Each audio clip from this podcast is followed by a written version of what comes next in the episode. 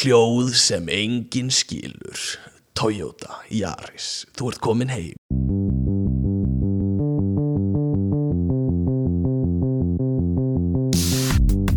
Halló er eitthvað að frétta? Já það er ekkert að frétta. Já það er ekkert að frétta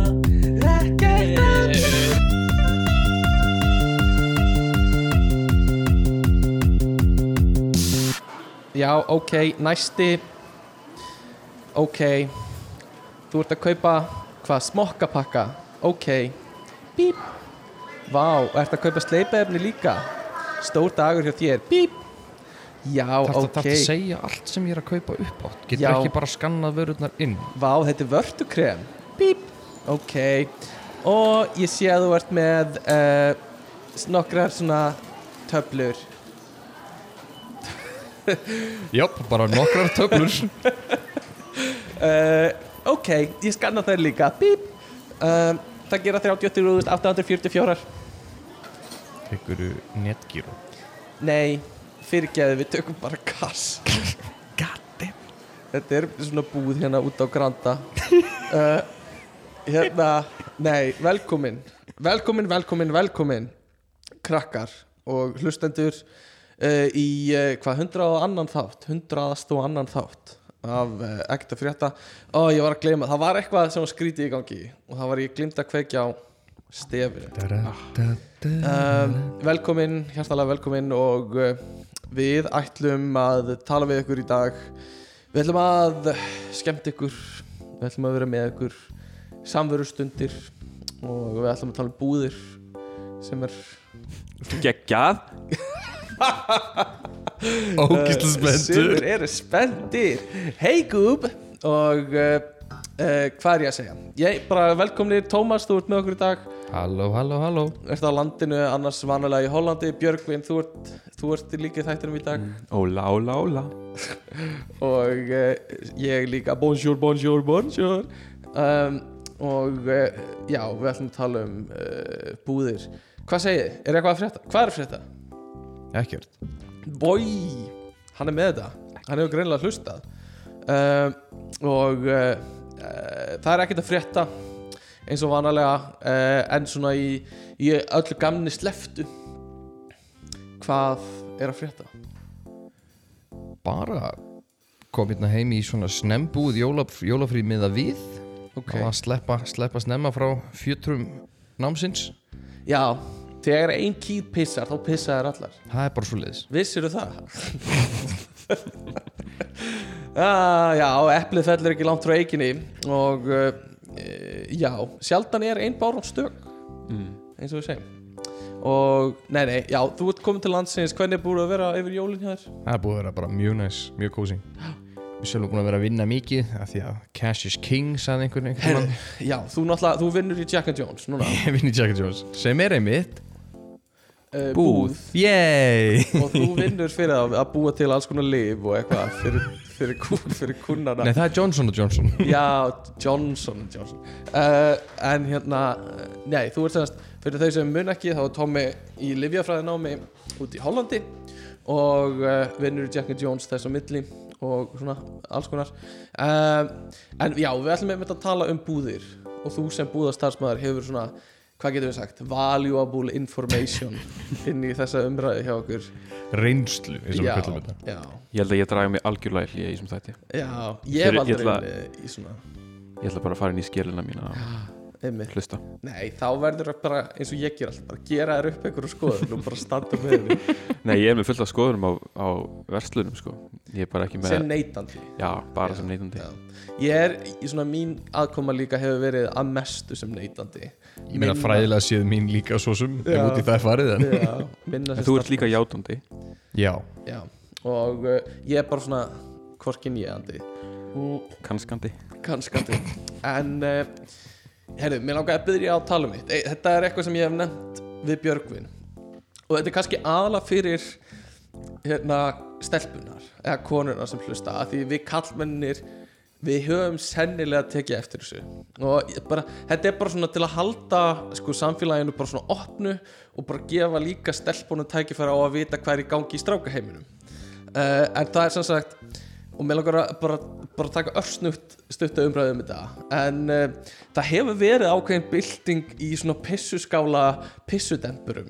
Hérna upp á síkasti Pissuskála, pissudem Já, dropadempurar. já, dropademparinn, veistu hvað ég er að tala um? Nei, nú er ég kem ég aðeins á fjöldum það er sem Þú sagt ert ekki one of the boys. Nei, þú ert ekki one of the boys. Sem sagt, Á pissuskálunum núna allstaðar Mhm. Þá hérna uh, Þá er ákveðin ný tækni Og það eru greinilega allir Það eru allir byrjaðir að kaupa þetta núna Sem eru með pissuskálar Sem er einhver svona Einhver svona plast silikonfilma Mhm. Með einhver svona hárum. Og þessi hár er einhver, einhver ný tækni í þessu sem dempa pissi miklu betur heldur en gamlar tæknir hafa gert í mörg ár. Af því að það hefur verið alls konar demparar í gegnum tíðina. Mm. en þessi þunnu hár er að gera byltingu. ný. Ég er að segja þetta, ég er að sjá Já, þetta út um allt. gangur á þessu sko. Og hérna uh, þetta, er, þetta, hefur bylt gjörsamlega closet heimum hjá kallmönnum uh, og það er allir að tala um þetta á En- hérna, Það er markverst uh, hreinari buksur já, já, buksur já Þú ert ekki að tala um að dempa hljóð. Nei, nei, nei, nei. Þú ert að tala um að dempa su já, bara þetta er Já, ótrúlegt bara ef þú endur- já, pissar já, á já, þetta já, já, sko. já, já, ef þú já. pissar á þetta þá bara deyr pissi það bara sloknar á því. Það bara Já, og hérna, það fer ekki neitt sko. og þetta er eitthvað ný tækni. Og mér langaði bara að því ég er búin að vera að sjá þetta þetta hefur gerst kannski síðasta árið og rúmt, skilur það er búið, þetta er búið að vera svona hæg þróun nú er þetta komið út um allt og hérna mér langaði bara að halda öllum í samfélaginu svona op opnum og líka þeim sem er ekki mikið að nota pissuskálar að hérna, þú veist, þetta er, það er stór, það er bylting skilur, þetta er ný tækni og við erum ekki bara að sjá einhverja svona gerfegrind og eitthvað, við erum líka að sjá tækni pissuskála, hérna pissudempurum Pissuskála intelligence. Já, já. Þú veist, eru þið með eitthvað skoðin á þessu? Eru þið sammála þessu? Uh, Sko mér líður eins og þetta sé ekkert eitthvað bara síðasta árið Eða, Þessi hárademparar Mér líður þess að það sé miklu eldri en bara eitthvað Nei, ég er að segja það var kannski útlandum en Ísland hefur verið að peka þetta upp þetta heitir eitthvað lab eitthvað lab Þessi brandið brandið, Já, sko. ég, hef, ég hef ekki séð það mikið í Hollandi sko. Nei. Það er ekki upp í skóla sem eru svona eiginlega einu pissuskálatin sem ég umgengst á Já. einhverju viti þetta er ótrúlega tækni sko. En Svo eru sumur með lykt Svona, Já, svona já, já, stundum Myndirnar? svona kubbar og já, nýþessu já, já. En það sem er, það sem er langt best er þegar það er fluga. Já, að það er eitthvað til að miða. Á. Já, af því þá er eitthvað til að miða og þetta er bara Þú getur eiginlega ekki verið með, með fluguna og Nei, og hárið. demparan Hárið. sko. Er kannski tattu af fluguna á demparan Gæti Það er svona doppul gaman. Gæti gert eitthvað svo leiðis en hérna, þetta er þetta er uh, mikil svona fræði bak við þetta sko. Og þetta er hérna pissuskála verkfræðingur. Það er búið að besta þetta það sko. er búið að besta þetta sko. Uh, en uh, þú veist, þetta var svo sem ekkert mér langaði ekkert að fara í djúpa umræði mér langaði bara svona að, að hérna, þannig að allir séu á sömu blaðsju hvort sem þið notið pissuskálar eða ekki þá eru stóri hlutir að gerast í pissudempara heiminum í dag. Um, og hérna, ég vil ekki þetta er ekki að fara að vera eitthvað pissu podcast í dag sko. Þetta er bara örsnögt, þannig að allir séu á sömu blaðsju um, já, annars, við Tommy fórum í bíó í gær mm. á, á bláumennina. Avatar uh, eða eins og Tommy segir alltaf Uvutar eitthvað svona. Og hérna Er þetta að missa þetta bara út um mér? Já. Ég, ég heyri þetta kannski ekki. Í bíónu, ég var bara Tommy shh Var Tommy þegiðu og hérna uh, fín mynd, hún var hérna uh, hún var flott. Hún var flott. Fyrst og fremst held ég flott. Já, og hérna bara taka svona örstutt review á hana. Uh, hún var flott. Spoiler alert, just in case. Nei, Nei, ok. við höldum okkur bara frá mestu spælurana kannski. En hérna uh, hún var horny. Hún var hún var meira horny heldur en ég bjóst við. Já, og þetta er, þú veist, þetta er svona smáfurry dót. Skeili já, skeili þú veist, er ég, já. Og hérna uh, og bara um, Cameron sem leikstýrinni var, Hann veit nákvæmlega hvað hann var að gera. Upp á sko bókstaf, hann bara, já, já. Ég veit á, hann er að Svona fara Mhm. held ég minninguna bláa fólkinu í, þú veist, við þannig að fólk muni eftir mm. myndin þau kemur út, sko og hérna þú veist uh, ég er ekki, ekki hissa eða eftir fyrstu myndina þá voru margir sem urðu þunglindir eftir að hafa hort á hana af því þeir eða þau upplifðu eins og þú veist, alvöru heimurinn verður aldrei jafn litríkur og spennandi og Mhm. þessi gerfi heimur uh, ég get trú að það sé bara jafnvel meira núna að því mér fannst þessi var- heimur eiginlega skemmtilegri heldur en fyrir heimurinn hann var rosalega vatnaheimur. væ- Já. Hérna, það voru góðu litinir já, allir góðu litinir og, og svo náttúrulega skrúfa kontrasti í já, svo bara, Instagram filtur hann er bara Já, og svo er alveg svona, svona smá sexual undir þó í þessari mynd. Uh, þannig að það kæmur ekkert óvart þá kæmi upp svona ný að það myndi vakna innra með einhverju sem er að horfa bara svona einhver, einhver ný svona förri kynslu sko. Por, Escape. Pornhub er sko að klappa eða nutta Ándjóks. saman höndunum núna sko þeir eru að býða eftir nýju kontenti sko. En mér, varst, ég skemmti mig konunglega sko. uh, þetta er kannski ekki uppáhaldsmyndi mín en bara ég hef gaman sko. þetta er alveg bíómynd, það var gaman að fara, fara á þessa mynd í bíó og það var fínt að vera með Tomma því Tommi var alltaf bara svona var svona what, what the fuck, fuck? Eitthvað svona þegar hann gerist eitthvað. Og svo var alltaf flissandi yfir bara einhverjum atriðum sem átti ekki að vera fyndin. Um, en hérna Ég held að það verði samt svona mynd sem að og eiginlega bara örgulega eins og fyrir myndin Mm. að fólk mun segja það var geggjað að fara á hann í bíó Mm. en svo þegar ég horfði á hana í sjónarspinu þreymur án setna þá var hann bara ég ætla bara ekki að horfa á hann ógeðslega aftur löng. í sjónvarpi sko, ég er bara og Já. ég fyrir örugglega ekki eftir á hann í bíó núna á næstunni þannig. Nei, Júlía vinkun okkar uh, þetta eru uppáhaldsmyndinu hennar. Já, bara, bara Avatar 1 er bara eina uppáhaldsmyndinu hennar ég meina hún er skemmtileg. Og já, já, já, hún er fín sko. en hún lifði svolítið vel á því að vera svona fyrsta almennilega 3D myndin í háa hennar stíð eina almennilega 3D myndin örglega, ég, ég, Spy Kids og Avatar. Sharkboy og Lava Girl.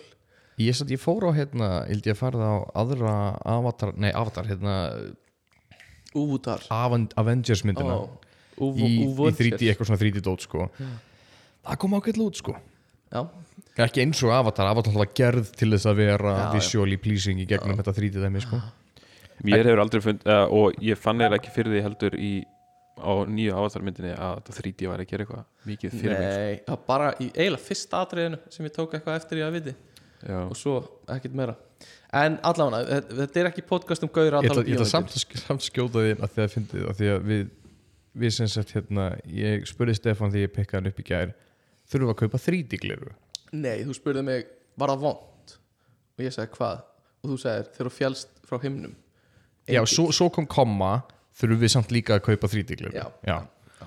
og Stefán sagði já. Þannig við, förum í bíó og við sjáum að svaka röð í miðasölunum við við þurfum að fara í hana til að kaupa 3D gliru Já, svo æ, förum bara upp rúlistegan spurðum bara mannskjuna í, hérna, sem er að skanna meðaninn getur verið sér sælda bara við hérna, við hérna búðina, já bara sjoppuna sjoppuna í, hérna, í, í, í bíó og hún sagði að það var ekkert mál bara getur kæft það þar. Þannig við fórum í, í sjoppuna og keftum okkur keftum okkur bíó gott Mhm. fórum svo að pissa svo frættum við báður að við keftum ekki gleru þannig stefnum við fór aftur í röðuna og þetta var svona, ég kom út og ég, ég seg, gerði bara svona gleru með puttunum ég áttur að stefna stefnum bara. Já, við sem var nákvæmlega sama tíma hvað við klikað á. Maður er ekki keitt þrítigleru í bara tíu ára og uh, ég kom bara með mín rauð og bláu sem virka greinlega ekki. Uh, Ekki? Nei.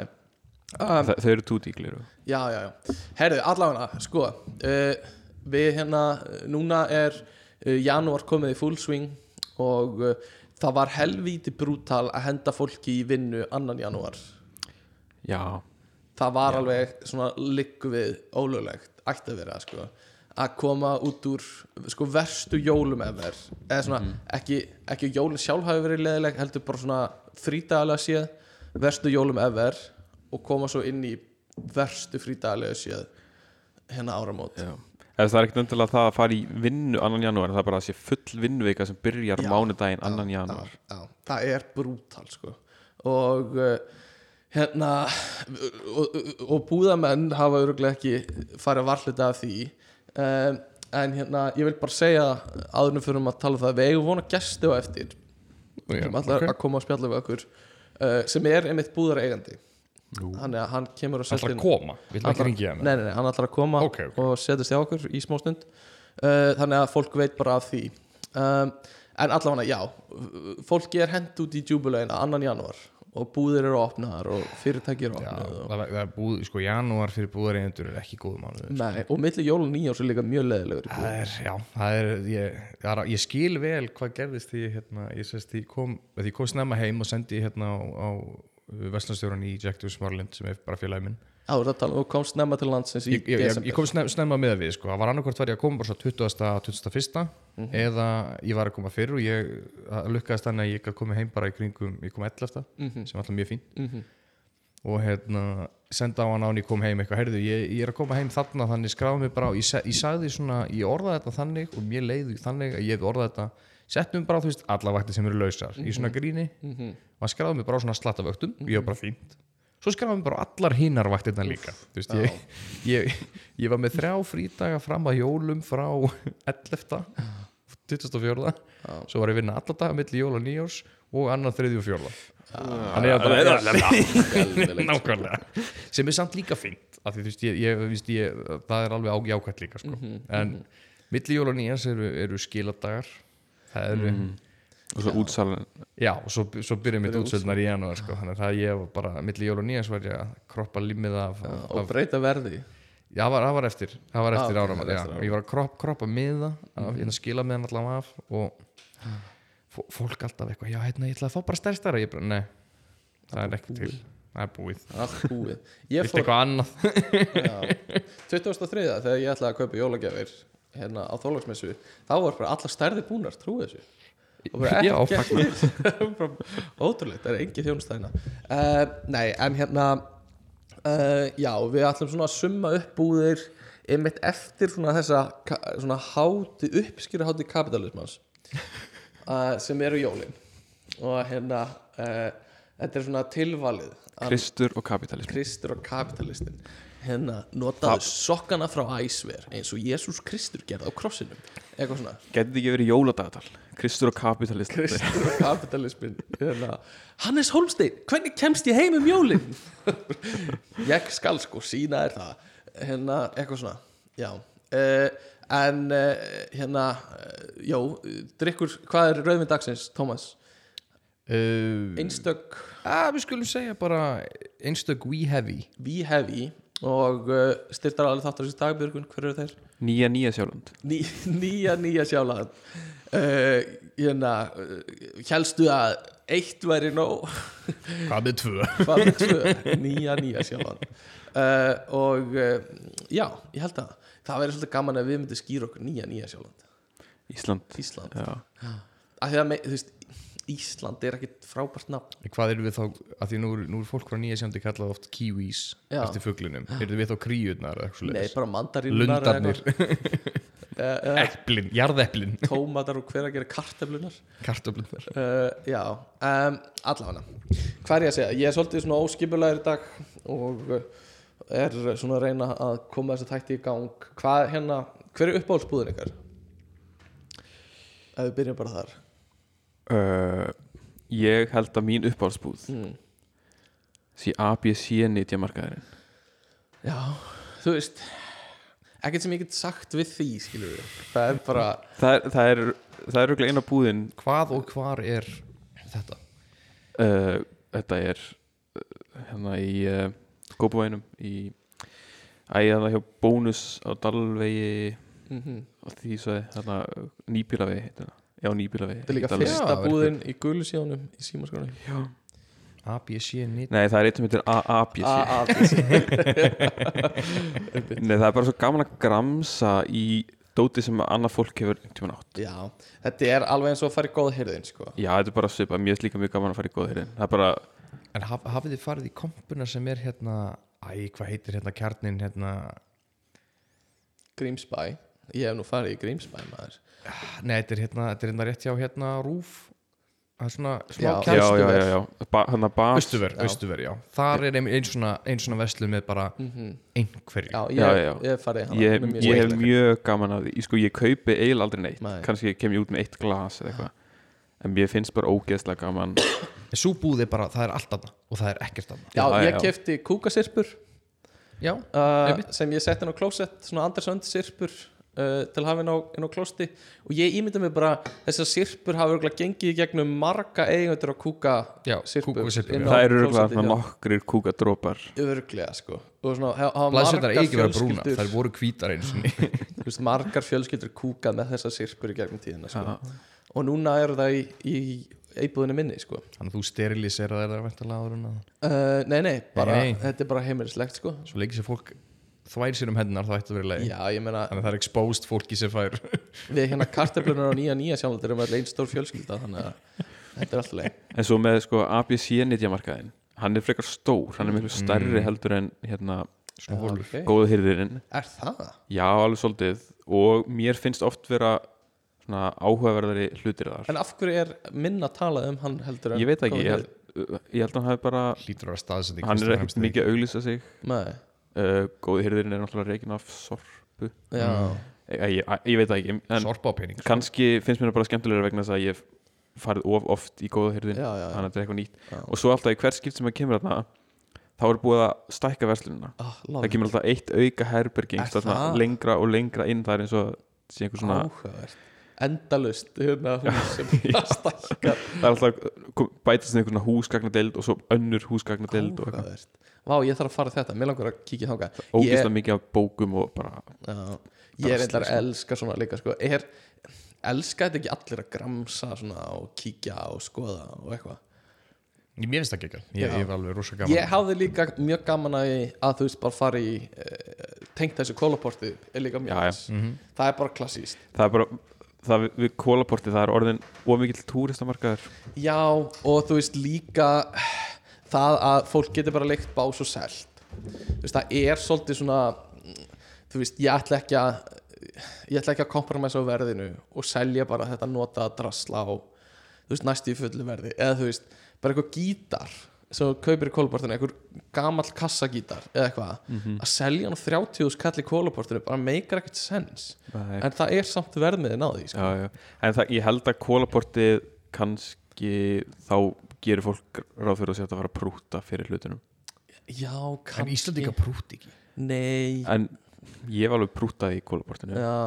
Já, já, nei. Ég er ný nýsjálfítinga en eh, já, eh, þú veist og svo eru svona ákveðinu svona stables í kólaportinu sem eru bara föst. Mhm. eins og her, hermannabúðin og, og hérna eitthvað. Við Bjöggi keftum einu svona ammalskju handa Tomma í kólaportinu. Alveg rétt. Og við keftum svona síðan leðurfrakka. Sem uh, eftir á higgja var líklega ætlaður hvern fólk Ég held að þetta verið- leiður kápa. Já, alveg viss. Og hérna uh, já, ekkert, já, já og hérna gámanum og uh, ég viðkenna það bara fyrir það núna, Tómas uh, þegar ég, við gáðum þér þetta þá skrifaði ég miða sem stóðu eitthvað drepa, eitthvað, þennan eitthvað, bla bla bla og setti í vasan hmm. og hérna og svo fannstu miðan þegar þú opnaði gjöfuna og ég neitaði að hafa skrifað. Og hérna Þetta er svo langt hvað stóð bara? Muna. Drepa, drepa drepa hérna, gísla eða eitthvað. Tutu eða sko búið að haka í drepa nei, drepa hérna Gerfinn og Guðmund og drepa gerfinn limlesta guðmund. Guðmund já.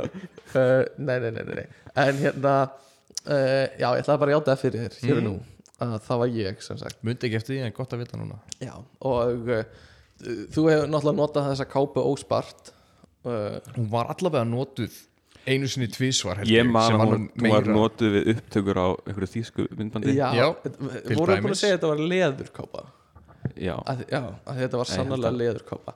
En það eru alls konar svona skemmtilegi hlutir sem finnast leynast í kóluportu ég fór í kólaport um daginn og þar var komin svona bás eða svona, þetta var eiginlega bara út á miðugólfurinn þar sem var svona átti að vera svona eins og hérna æ ringrásaverslanennar þarna það sem fólk veist, leigir henni bás Mm.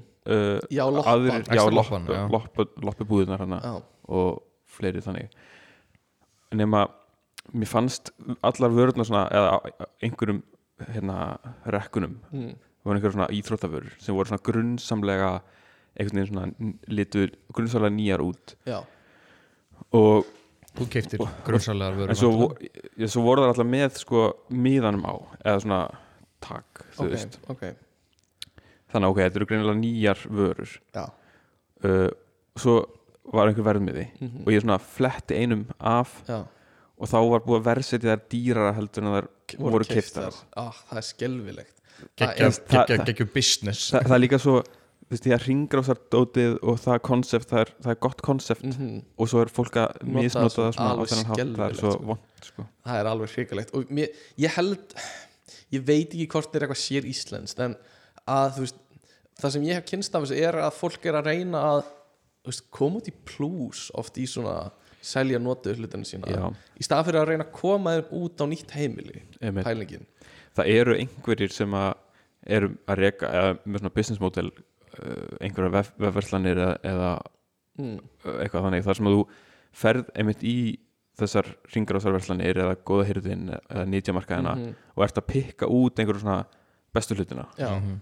og selur það síðan Dýrar, dýrara já. sem er ég veist, allt læg kannski Já. Svo lengi sem að storage ef það er eitthvað veist, Já, þetta er eins og að fara í góða hyrðin og finna eitthvað svona antík hérna ketil eða eitthvað, eh, Já. teketil eða eitthvað. Og þú veist að hann er dýrari heldur en hann er settur í já, þú veist valjuð af honum með eitthvað svona samnsett af einhverjum sérstökum múmínbollum eða eitthvað. Mhm. og svo kaupir það og selur það dýrara. Já.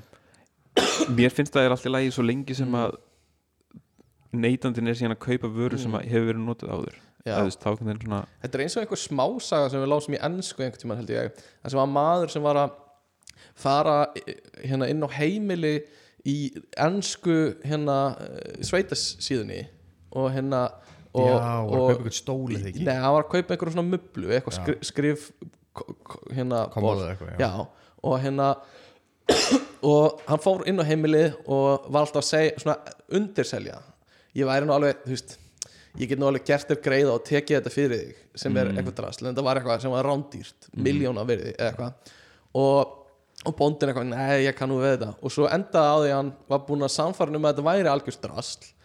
Og þannig að bóndin bara ok, og hendi þessu bara til að svo þetta brotnaði eða eitthvað svona þegar Já, já, já, hann var að kaupa þetta og hann bara svona skuttlaði þessu til Já, hans og hann misti það Já, eitthvað að bara eitthvað, ég get notað þetta í, í eh, kyndingu eða eitthvað, sagði kaupandinn. Og hann bara, já ok, ekkert mál og hendi Já, þessu bara. já, þá braut hann þetta fyrir hann í sundur Já, eitthvað svoleiðis. og, og bara afhengt þetta sem bara tilbúin brenni við já, eitthvað. svo leis þannig að Það það getur nú farið mig úrskeiðis. samt líka á sko, að því að tala um sirpunar á það Mm. þá var einhver saga um í einhver sirpu um hérna hvað var það, þetta voru hérna að kaupa eitthvað, veist, ég, hérna, ég held að Jóakim hafi sendt Andrés að kaupa eitthvað málverk sem átti að vera priceless, en svo var það fake Já. en rammin var svo eitthvað svona Ah. eitthvað hönnun og þá kom eitthvað svona kom eitthvað svona félag uh, eitthvað svona vitum Mm. allt um hluti sem enginn veit annar um eitthvað, eitthvað já, hönnun á þessum stól er náttúrulega gerð af einhver þetta, þetta var svona þannig dæmi, svona hm, þetta eru svona típutin sem fara mitt í kólaportur Mhm. Já, og eitthvað, já, ég skilur ekki kaupin en ketil á þú sem kall skilur, Mhm. þetta er náttúrulega veist Bartucelli frá 1843 einmitt, já, ég man einmitt. eftir þessari sirpusögu var þetta ekki 208 já, já, já, 207 það var ekki stálandi framan á. Uh, en hérna svo ég hef reyndar ofsalega gaman að því að fara í búðir eins og Bauhaus og Bíkó sko. Já, ég get alveg tí það er svona tíma næ, næst á mínu lista sko. alveg æðislegt sko. að fara í og hérna þetta er náttúrulega bara dótabúð fyrir fullali fólk fyrir já, pappa. já, já, pappa og bara fullur fólk almennt sko. pappi minn sko, það Já. er bara það er Bauhaus, Biko og það er hérna Costco, Já. þetta er bara þú veist, þegar pappi fer þanga þá er hann ekki að fara að bynda vesla Nei, það er eitthvað eitt sem hann þarf að grípa eða þarf að grípa, eftir hvernig hann orðan það. Já, en svo er hann að í tvo tíma. Já, ég hef mjög gaman að að skoða öll tækin sko. Það er alveg indislegt og líka bara, svo enda ég oft bara að skoða einhverja pípur og eitthvað plastur og Já. eitthvað. PCP er gott, gott að vita af þessu Já, hérna gott að vita af þessu. Og já, e- byrja á verkvarunum og enda bara í, þú veist, einhverjum vasslásum ég sko þið hefðu átt að sjá skítaglóttið á pappa þegar hann fann sér vinnuskó í Costco. Þetta voru DeWalt innuskó, innuskó nei, þetta þetta er svona vinnuskó með stáltá og öllu dótinu sko og það var bara, þú veist, það var svona morfaði Biko og Costco saman í svona ein kaup. Mm -hmm. veist, það er keiftaði Costco og þetta er, þú veist, vinnuvéla vörur frá Biko eða eitthvað, hann var bara þetta var sáttast með að sé, sé stærsti kassi undir skó sem ég sé líka sko, þetta var alveg bara svona þú keiftir skó. En já, þú veist Svona byggingurverslun er Bauhaus Náttúrulega líka mjög skemmtileg En svo líka Elko. Og Já. ég elskaði Elko Sérstaklega hjá yngri Og ég hef alveg gaman að því núna líka sko, bjöfurnar, kíkja hann í ef þú fyrir lindir, lappa beinti vinstri ég elska að vera bara, hvað er þetta? Já. Mm. Af hverju er þetta hérna Eitthvað svona en svo er líka bara hlutin sem er þarna eru stór skemmtilegst þetta er eitthvað sem ég finn ekki út í bú Nei, nei þetta er bara bara þarna þetta er eitthvað Já. sem við vorum með okkur byggla Já, kassi já. og þeir eru bara, já, já.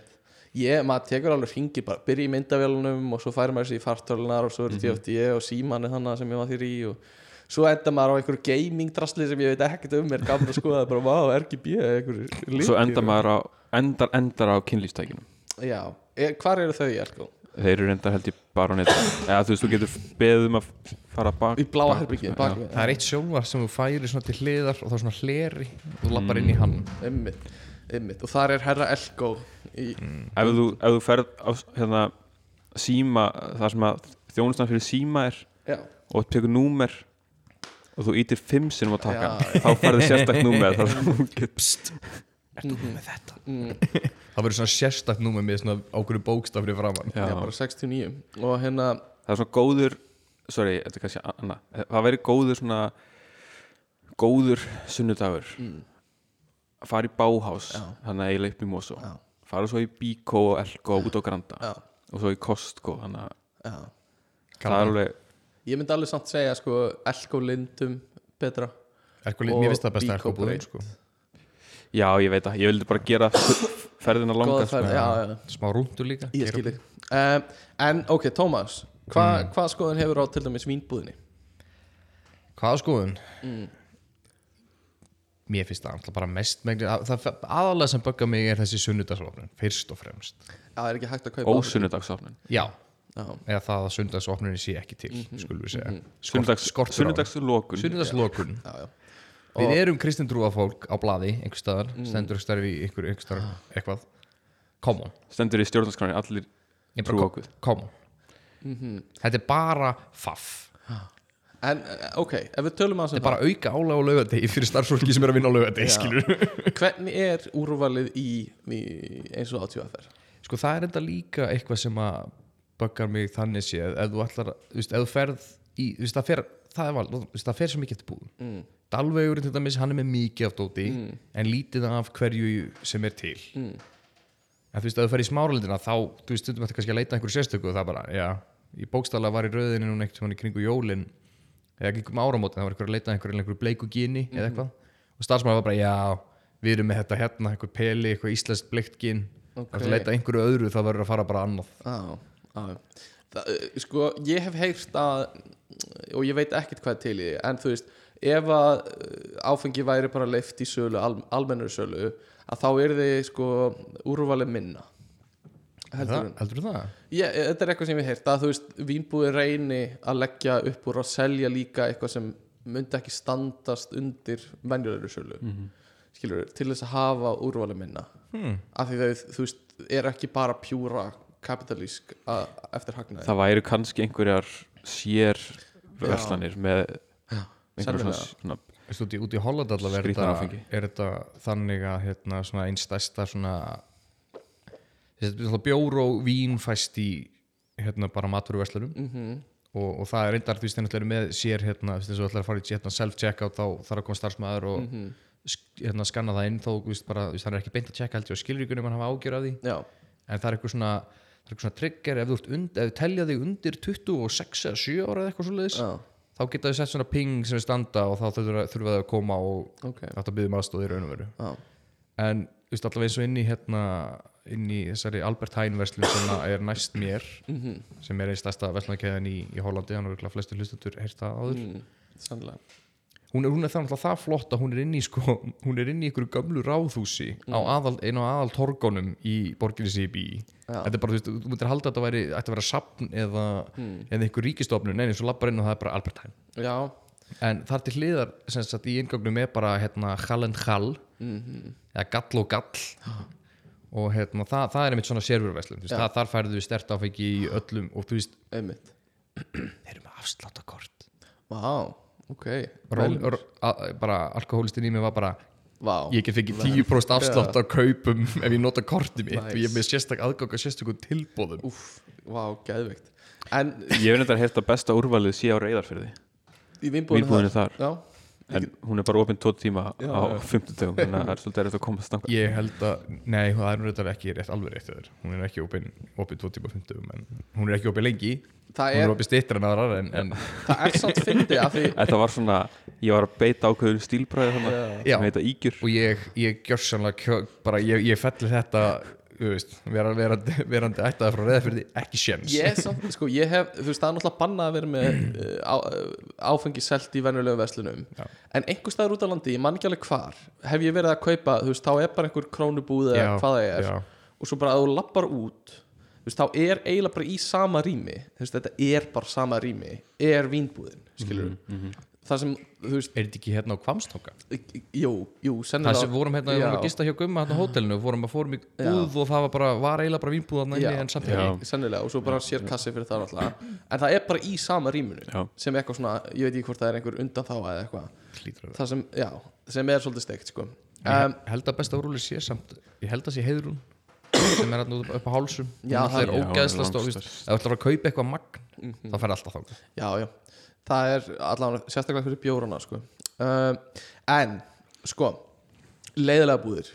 Uh, ég verða að segja og þetta hefur kannski ekki verið rosalega áhugavert spjall fyrir alla að hlusta okkur tala um, um Bíko og Báhás eða eitthvað.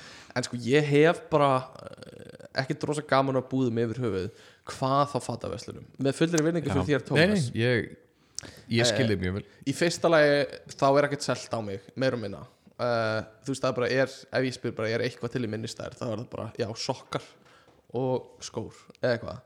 Um, en burt sér frá því þú veist þó að ég það sé eitthvað til á mig að mátaföt er bara eitthvað allra versta sem manneskjur gera er að mátaföt og svitna inn í mátunarklefanum sko. Uh, Ég lendur nú ekki mikið í því En, ja, en mér veist Ég, ég hef mjög lí, litla þólinmæði fyrir því að máta já, eða ég get alveg ímynda mér, ok förum og mátum, eða veist ef ég sé einhverja Mhm. f- einhverja flík sem ég hef hérna áhuga og kannski máta ég hana. Já, en veist, ég get ekki eitthvað svona tekið marga flíkur og bara svona einhvern veginn tekið nei. marga klukkutíma í það að Einmitt. bara máta föt sko. ferða mátunarklefanum er rétt eitthvað spjald sem stendur á nýju eða nýju flíkur eða eitthvað og svo kemur þú út og rétti spjaldið tilbaka. Eitthvað svona og ert búin að máta nýju flíkur. Ég gerð, ég gerð, síðast þegar ég fór í eitthvað svona mátunar spree og fór ég í mína allra bestu Dressmann Extra Large sem er náttúrulega frábær búð og tek hérna einhverju skýrtur og einhverju bóli og hérna að ég veit ekki, þú veist ég hef ekkert á móti þessari búð en mér finnst eitthvað óþægilegt óþægilegt er kannski ekki rétt orð. Að vera að máta hana inni í extra large búðinni sko. Og þú ert komin upp í á ég að prófa 4x eða 5x eitthvað svona. Og hérna getur nokkuð rétt með 6x bólin sem er hann fyrir utan. Eitthvað svona. Þetta er bara, mér finnst það svo ógeðslega leiðilegt hérna að gjörð að gera þetta. Og hérna þarfst að skila þessu að komi svitablettur. Eitthvað þú veist. Ég bara, hvernig dílar þú eins og í Jack and Jones við svitabletti í mátunumfötunum það er bara fyrir reynsun sko er það? já, já, við, viðstu, við, við, við, við, við tekjum út í skilaförun þess að við erum bara svona mm, þetta fer ekki fram. Nei. við þurfum bara, þú veist. En er miðin ekki á þessu en þá? Jú, jú, þú veist, það er bara mannski sem máta þetta bara, þú veist, þegar þú máta þetta þá bara að koma einhver líkt eða eitthvað, eitthvað skilur og þá, veist, þá, þá bara, ég stundu bara, þú veist, það er bara, já, þú veist, þú veist, þetta er söluvara. Og ef þeir hreinsu þá er ekkert aðinni en það er bara að senda þetta í hreinsun. Þa- þetta er bara sendt í hreinsun og það er ekkert mál með miðunum á eða neitt. Nei, nei, það er eitthvað takk, ég veit ekki hvað ég gera, hvort mm -hmm. plastið þetta eitthvað eða réttið í, sko en það sem böggar mig mitt sem er, er eitt sem fer í taugarnar að mér er hérna, sem ég testi sérstaklega tók eftir núna hérna, í skila spríinu 27. til 30. já, Fólk sem á gæludýr. Já, ég er ekki frá því að það fær eitthvað í jólagjöf sem Ja. að fái peysu eða, eins og ég lendi hérna og fekk eitt frakka tilbaka. Mhm. ég held að mannskjæðan fengi frakka. Prófaðan, aðeins og lítill. Ok svo hafði það bara sett hann á gólfið og láta hann vera þar rögla í 2-3 daga þess að malla. Mhm. svo tekið frakkar upp svona hm, þarf að skila þessi í dag það Mhm. er komin, það er að detti skilafrest. Já, og og svo svona er hún að fara að stíga og svona er að fara í andir, ætlar að fara í skó og svona að býta aðeins, set, setur þetta upp á stofaborðið tekur hundin sinn og svona nuttar honum aðeins betur utan í frakkan, svo svona aðeins að svona ná, ná þessum næfur þunnu hárum undir þræðina á frakkanum. Já. og svo kemur þetta með tilbaka ég held ég, ég held ég veit 40 mínutum í að rúlla eitt frakka. Því frakkarnir náttúrulega eru svo láðnir að þeir þú veist, með svona límrúllur að þeir, veist, þú tekur svo mikið að þráðum úr frakkanum. Já. ég, þú veist, ég kláraði hálfa rúllu á eitt frakka sko. ég hugsaði bara er engin svona smá sjálf meðvutundum bara svona, já, heyrðu, ég er að fara að skila vör út í búð. Hún lítur öllítið slöpp út með að við hvernig hún var þegar hún kom úr pakkan Þa, það eru örugglega líka fólk sem að fær kannski einhverja peysu í jólagjöf frá ömmu sinni og amman er á staðunum og þú veist, þú ferð í peysuna til Já. að máta hana. uh, og svo ertu kannski í peysunni allt kvöldið Já. og ert að klappa kettinum og eitthvað. Og svo þegar að, þú veist, amman er farið þá svona, ferðu úr peysunni, ok, ég ætla að skila þessari peysu já, einmitt. það geti alveg verið sko. Uh, en já, einhver, hvað fleira hvað búðir eru leiðilegar? Um, Mér finnst ekkert frábært að fara í svona, þau verið svona bílaparta verslanir Það þeir vantar eitthvað sérstak Já. og þú ert að reyna, þú veist ekki hvað heitir eiginlega, er með eitthvað annað orði yfir að þau svona hvart að tala um og ég, ég veit ekki um bíla. Nei, nei, nei, nei, nei. Já, þegar maður verið svona verslanir Já, og gerir já. sér að fýbli Já, já, já, já, já, ég, ég, ég sæsla minninga þegar ég fór nú að kipti hérna þegar ég átti hérna, ég átti lítið Ford Focus. Já. hvað 2005 ár gerði eitthvað með vantaði hérna rúðuþurkumótorinn fór. Að rúðuþurkuna virkuði ekki. Ég man eftir því. Mm þannig ég, ég hugsa, heyrðu, er þetta flókið? Get ég gert það sjálfur, þar er ég ekki að fara þar er ég að fara að verkstæða að borga 50 kall fyrir að skipta um enna mótor? Mm. fer á YouTube, googla þetta. Googla þetta á YouTube einmitt, fer á YouTube, leita myndböndum. Ekkert mál, losa einhvern eitt, hérna, eitt panel af hérna húttinu skrúa hann úr, setja annan í. Þannig ég er fyrir sólningu, kaupi mótor. Og hérna og, byggði mótor fyrir þannig að sérstaka bíl og segi mótil og allt þetta dæmi og mótor lítur nákvæmlega svo út skúpunum heim. Þetta er svona í, er svona í februar, í februar búið að vera fallegt og stilt veður. En um leið og ég losa fyrstu skrúna af þessum panel þá byrjar að snjóa. Að sjálfsögðu alveg snjóar og snjóar sko.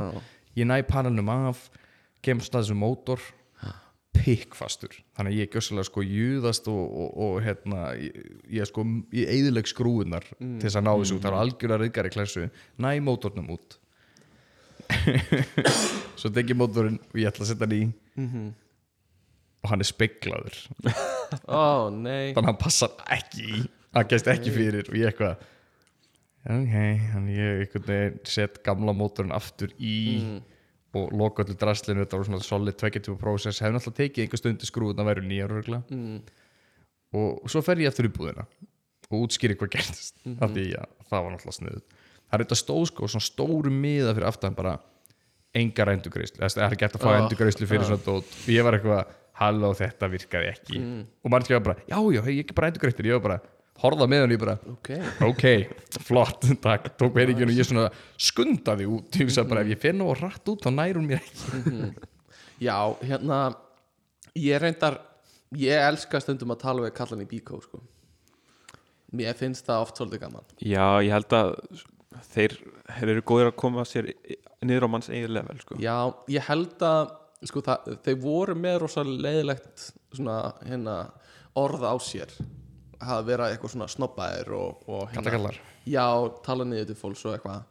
En ég held að það hafi verið átakjaðum að verða aðeins svona vinarlegri og, og, hérna, og svona, skil, svona skilja og hérna, sína skilning og eitthvað. Og hérna, núna síðustu bíkoferði sem ég hef farið við erum bara að spjalla við það og við höfum leist úr þessu saman og Já, já. sagt þeim svona pælingarna mínar og þeir komið með eitthvað á móti sko. ég hef mjög gaman að því um, en hérna, já einhverja fleiri sko leiðilega búðir ef maður hugsa bara um smáralind um, þú veist, það er náttúrulega svona fjölda fram þú veist, tækar mm. sesturinn í greni sko tækja mætti verið með báðar þessar veslanir gangandi gæti verið breiðar en þú veist 75 cm þá væri það alveg óskandi. Þá kemur ekki að mörgum vörum fyrir. Nei, en fólki það líka komast fyrir og mögulega komast fram hjá fólki. Það, þú veist, ég, ég festist í tækjar um daginn. Ég var bara í 500 að koma mér út. Ég var að leita okkur um einum hlut. Og hann var svona í, þú veist, annari beigju og hann var ekki til. Tækir og og svo var ég bara að reyna að koma mér fram hjá bara, sorry, sorry, sorry, afsaki, sorry, sorry eitthvað. Því líkt vesen maður. Já, tækir og þessar búðir, þetta er bara one way búðir sko, þetta er það sko. Einstöðna sama, eiginlega sama koncept og IKEA. Mér finnst þetta gaman að fara í Ég er gaman að fara í IKEA. Mér finnst vantar að fara í IKEA, mér finnst gaman að skoða húsgögg en Ég Tiger hata er IKEA. drast. Tækja er náttúrulega, já, þetta er bara Sösturinn greina er miklu meira Hún- þú veist, En hún líka með miklu áhugaverðara meira svona dót þar. heimilisvörur Já, heldur en já, Svona já. bara Þú eitthvað veist, það er alltaf eitthvað gagn af dótinu sem er í sösturinn Já. greina mm. Sko megnið af þessu er fyrir krakka í við Tiger Já. en hitt er kannski kerti sem allir geta keift skilur Ég bara, Bara Tiger er svona. Tiger er bara svona glingurbúð Tiger er bara dót sem þú setur í einhvern pakka Mhm. sem er síðan hent já, þetta er í- á, á litlu jólum í grunnskóla. Já, en það er líka alveg fullorðið fólk sem er að kaupa Mm. einhverju svona smá gjafir í Tiger já, eitthvað svona allavega tækifæri skjafir einhverjar og já, dót. ég hata IKEA af miklu leiti mér Hmm. finnst það svo leðilegt sko að þú þarft að labba alla leiðina getur, og getur gert ímislegt, það er til alveg tilleiðir sko. ég, samt maður er ekkit lengi að labba í gegnum IKEA en maður ég- bara að labba leiðin, styrstu leiðina og er ekkit að það. Veist- Styrsta leiðin er samt svo subjective Þú er- ert búin að fara hana áður, já. Ég fór í IKEA út í, út í Hróningen tók mig miklu lengri tíma að komast út af því ég fór eitthvað, það pílur að benda mér út um allt. Ég fór lúklega lengstu leiðin í gegnum þessa búð ok, sko. leið mér að endur, endur uh, segja þetta. Ég hata ekki IKEA, þú veist, að þú ferð kannski einu svona ári eitthvað svo leiðis en þegar þú ert í einhverju svona fasa þar sem þú ert að fara kannski fimm sinnum í já, þá verður það þreytt sko. ógæðslega leðilegt. Það er bara ógæðslega að því, þú veist, þú kemur hana inn það er mikið af fólki erfitt svona smá eitthvað maus á bílastæðinu og leggur einhvers staðar langt frá og eitthvað svona og svo ertu, þú veist, þú veist á alltaf bara að skjótast inn og kaupa eða eitthvað, ég veit ekki. Mm -hmm. lappar í gegnum alla búðina, finn hnífin og hérna komin að kassan og ringir í kæristuna og hún segir eitthvað svona nei, byrju, getur þú keft líka. Og ég eitthvað, já, fuck, já. Og lappar í gegnum alla búðina aftur, eitthvað svona. Já, IKEA er náttúrulega ekki hönnu til þess að kaupa eitt hlut bara, eða þú veist, vísutandi Nei, nei, nei það, það er bara þannig. Og þú veist að fara í IKEA allt í lægi að þú ert bara, já, einu svona ári og kaupa einhverja komoðu eða ég veit ekki hvað. Ég þetta líka alla búðir sem að bjóða upp á kaffi, eitthvað svo leiðis mm. Því þú veist, þú, þú, þetta er svona búðir sem að þú gætir veist, að vera eitthvað ykkur tíma aðna það er líka príma, ég, ég er gaman á svo leiðis búð Já, að, hérna, viltu ekki fá þér? Ekki Já, fá ég er að segja, þú veist, Jó, bara svona, ok, ég típist er svona býst bílarboð Já, þau eru já, með kaffi, það, þú þú, lappar ekkert inn og bara staðgrið bíl og ferð út, þú veist. Það er eiginlega að fá einn hérna svona rafjóra hjá þér. Já, það er bara, já, krydd bara, bara rennir hérna í gegnum og bara bíp Með posa, nei, ég nota bara síman Eitthvað. Um, Já, þetta er mm, ég, Já, kaffi er gott sko. Og er, getur ekki fengið kaffi eins og ferði í Nespresso búðina eða eitthvað? Jú, getur prófað kaffi sem þú vilt, Love it. Það er næs Love it, mér finnst að þetta bjóði upp á mér finnst að standardin ætti að færast frá kaffi og yfir í, þú veist ís, ís í vél eða kúlís Finna alltaf, var ekki, jójó var alltaf með svona smakk jú en ég er að tala bara að fara í bíla umbóð og bara, má bjóða vanilu eða, Já. Toyota er alltaf með hérna hérna vínabröð aha, mm. er þið bara með kaupaði bara fullt á mótnana, er þið með ég held að það sé ekki úr einhverju bakari á Íslandi. Með, Þeir sér baka Ég veit- Toyota vínarbröð eiginlega bakvið eitthvað. Situr sveitt ekki lengur, núna er Ólaður Darri. Ég, þessi auglýsing kom á áramótunum. Koma kom áramót aftur núna þegar Í ég og bíó? Tommi vorum í bíónu oh, í, veist, í bíónu með hinnum trailerunum Tvekja mínúta löng auðlýsingar sem Egil basically Já, það Þess er ekki sagt neitt Þetta er bara kess, þetta er bara taska sem er reyndu um borð. That's mér it. finnst þetta asnalegt. Þetta er, hún er, þetta er svona tearjerker auglýsing. Nei, af því hann er búin að vera hann er búin að vera rödd fyrir eitthvað vörumerki. Já, það skiptir mig engum fokking ég máli. veit það, en ég er að segja hvernig auglýsingin er Ég gerð. það. það, þú veist, hún er Svo gerð til þess að vekja upp einhver svona Já. tilfinningar og einhverja, þú veist eins og,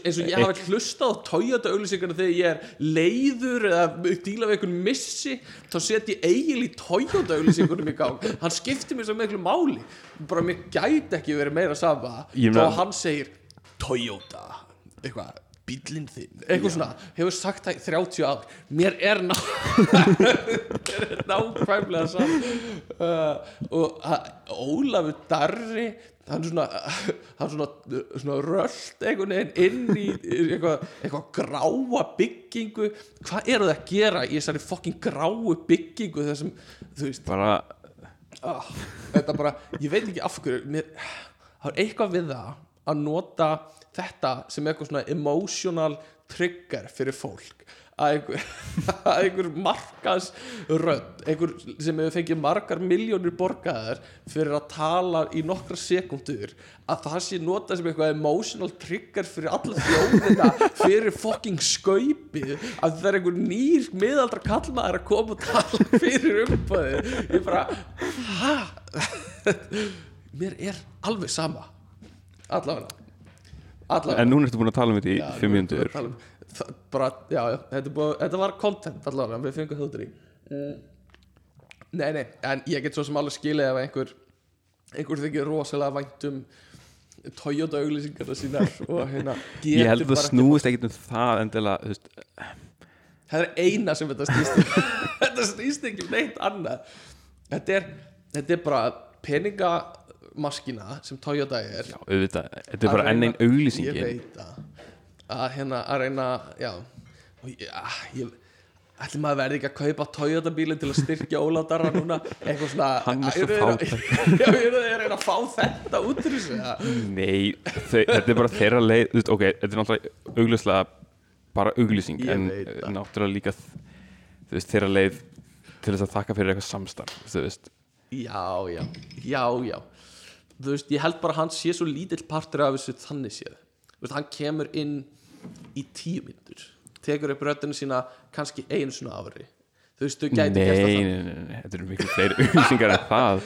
Nei, þú veist, hann gæti þú veist, það er ekki eins og hann sé með mikinn texta, skilur við Jú, reyndar oft, hefur þú séð þessar Toyota auglýsingar En þetta ég- er oft alveg Jú, jú. hellingstexti sko. Manstu ekki eftir risa smár Já, ok, Það var bara saga. Já, þetta er bara eitthvað svona þetta er bara svona samingislausar svona, svona setningabrot eitthvað. Drifkraftur sem óviðjafnanleg þægindi. Eitthvað svona svo bara eitthvað svona hey, hljóð sem enginn skilur Toyota, Yaris. Þú ert komin heim, eitthvað svona. Og hann getur tekið þetta bara upp á tíu mínútum fyrir allt árið, bara svona nokkra setningar. Og ef þeir vilja, þá geta þeir jafnvel bara hljóðblandað og mixað saman hinna setningarnar og búið til einhverja nýja ölsingu og, og svo bara, bara Sko eina sem baka mig er náttúrulega bara Hann er búin að vera, er hann ennþá rödd Símans? Ólafur Darri er Darri. hættur sem rödd sín Hann er hættus, já, er að segja, það var pælingi sko, því veist, ég hugsaði bara, ef ég heyri rödd Ólafstara þá veit ég verið að auðvitað Síman en ef það er með verið fyrir bæði þá veit ég ekki lengur hvað sé auðvitað bíla eða sjómasæðan sko Toyota tók hann og nú er einhver annar hjá símanum og ég man ekki hver það er örgulega einhver annar Egill. meðaldra kallmaður. Já, ei, og símir gerir nákvæmlega Þetta voru, voru félagskipti. Eh, en hérna nei, nei, og, og hérna uh, já, Ólafur Darri fer bara frá símanum yfir á hérna, eh, yfir á Toyota ég veit ekki, ég, ég elska Ólafur Darra eins og öll þjóðin og ég elska líka Egil. Eins og öll þjóðin. Eins og öll Ég held að- en ég gæti ekki verið meira saman Toyota. Eins og öll Ég- þjóðin. Þetta með eigilsamt, ég held að þú veist þú veist, þetta er ákveðin svona líka var bara svona- þetta var bara- svona ákveðin svona kynnslóðaskipti eða þú veist, inn, í- hann er samt, já, já, ok. Hann er búin að vera þetta í 30 ár. Þú veist, þetta var- fáið þá ungan og efnilega leikara og hérna eins og Hilmis nei, en, hérna árnapindi eins og Árnabeit fáið þið fucking Árnabeit oh my god. Þetta ekki peppa að kaupa þér Toyota bíl. Búm, það er nefun Fáðu þér pepp bíl. Hérna, Nei, þess að finnst þú það það tala um unga efnilega leikara. Það kom ekki að byrja ykkur listi yfir unga efnilega leikara í Evrópa eitthvað svona dæmi. Þorvaldur Davíð var á listanum. Hann er bara að vera er, er hann, flokkast hann sem efnilegur leikari? Ég sá þessa frétt sko. Ég hugsaði hann er, hann, hann er 40 plus hann er bara að leiki, leiki dóti síðan á tvítur sko. Já. er þetta að segja sér efnilegur? hann er 30 eða eitthvað, 30 og eitthvað, hann er meira en 30 hann er 30 og eitthvað held ég. En uh, þetta er mm, þetta er víst uh, bara, já, þú ert efnilegur þetta er bara svo kvartningavelun eða ekki? Jú, svolítið og þú ert alveg efnilegur langt fram eftir aldrei ég var, veistu hvað ég var að frétta? Að hérna, hann er 39 ára já, það sé ég að segja, það er erfitt að segja sér efnilegur það er búin að vera að leika í Jú, 20 jú. ár.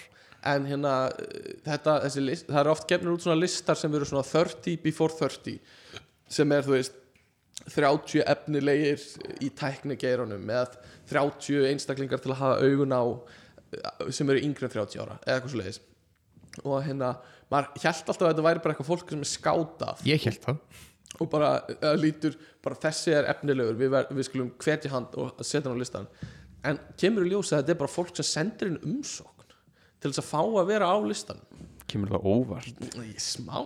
Þú veist, Ég- ég hefði haldið að þetta væri frekar eins og maður ársins stóð ég held að væri fréttamennska. Já. að þeir væri bara Just, þetta væri þeirra persónulega skoðun og þeir voru bara að kynna sér þetta. En enni, þetta er bara, þú veist, fólk er bara já, ég, ég finnst ég er búin að standa mig vel í ár sem er kannski, ef maður pæli meiri í því kemur kannski ekkert ávart líka miðaukunni eins og Óskarinn er.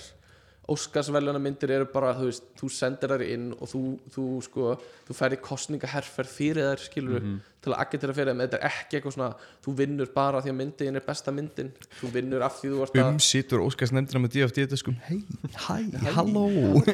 Sko, með þetta 30 before 30 eða 30 under 30 eða hvað sem þetta heitir kannski byrja þetta sem, þú veist, blaðamenn actually Ég held- að, ég þú veist, rannsaka eða bara leita, þú veist, en svo var bara orðið svo, þú veist, valuable fyrir fólk að vera á þessum lista það var einhvern veginn farið að byggja um að fá að vera á listanum. Já, og þá einhvern veginn svona breytist þetta sjálf og, ef, ef, ef, og þá er fólki sem er að sækjum að fá að vera á listanum þá er það að gera vinna fyrir blaðamennina. Smá. Ég, þetta er, við í hérna tæknihlaðarpinu fengum fyrirspur núna frá fyrirtæki um að fá að koma í þátt til okkar sem við höfum aldrei gerst áður. Og, og, og þú veist, það er kannski ekkit ósvipað þú veist, jú, að einhver leiti eru að gera vinnuna fyrir okkur að, að finn, veist, finna efni til að tala um í þættinum. En að einhverju leiti finnst mér líka svona veist, þetta er smá, þetta er bara auglýsing fyrir fyrirtæki, skilur Já. að koma. Og hérna, þú veist það er ekki að greiða okkur fyrir að koma en mér finnst samt eitthvað skrítið að að bara þau eru að gefa út einhverja nýja vöru og vilja fá að tala með hann á einhverju plattformi ég er með svona mjög mix tilfinningar af því ég veit ekki hvort þetta er slæmt eða bara gáðu snilld, þér vöruna? Nei, nei, nei, nei, nei, nei, nei, þetta er líka skrítið að gefa mér einhver skíalaust sem er fyrir einhver fyrirtæki. Hérna er uh, cloud. Retail skíalaust fyrir Þetta posa samt, er samt, þú veist ef, ef pitchið er, þú fær cloud ég fær cloud, já, það er alveg er það er alveg pitch sko. kannski er þetta bara sniðugt en svo hugsa ég líka er ég að taka þá þátt í markasherferðinni þeirra og vil ég það? Eða þú veist, kannski vil ég það skilur, kannski er það ekki það Er- er þetta ekki bara ok, ég veit ekkert um það en í svona, eins og spjallþættir í bandaríkinum Jimmy Fallon Já, eða, já. eða veist, hvar sem er og það sem einhverjum kvikmyndastjörnur eru að koma Já. og eru rauninu bara í auglýsingaherferð fyrir einhverja bíómynd. 100% Þú veist, ég er ekki endilega viss um það að að hérna Jimmy Fallon fólkið endilega hafi þú veist sendt post eitthvað hei, vill hérna Nei, Nicolas bara Cage koma í þáttun þú veist það er kannski frekar að já, markasteimi kvikmyndarinnar hafi þú veist verið að senda út. Má 100%. Nicolas Cage koma í þætt, þættin 100% bara markastildir að tala um markastildir sko. þannig að ég sagði bara við þessa mannski sem senda á utjöflaðar bara hafðu sambandi markastildina mína og ég láttu markastildina láttu Heyrðu bara í markastildin í minni láttu ræða þína hafi markastildina þína og við finnum út og við verðum svo í bandi. Við verðum svipandi uh, Nei, en hva, hvernig í óskupunum endur við þannig Það sem mér Já, við vorum að tala um Bauhaus. Já, alveg.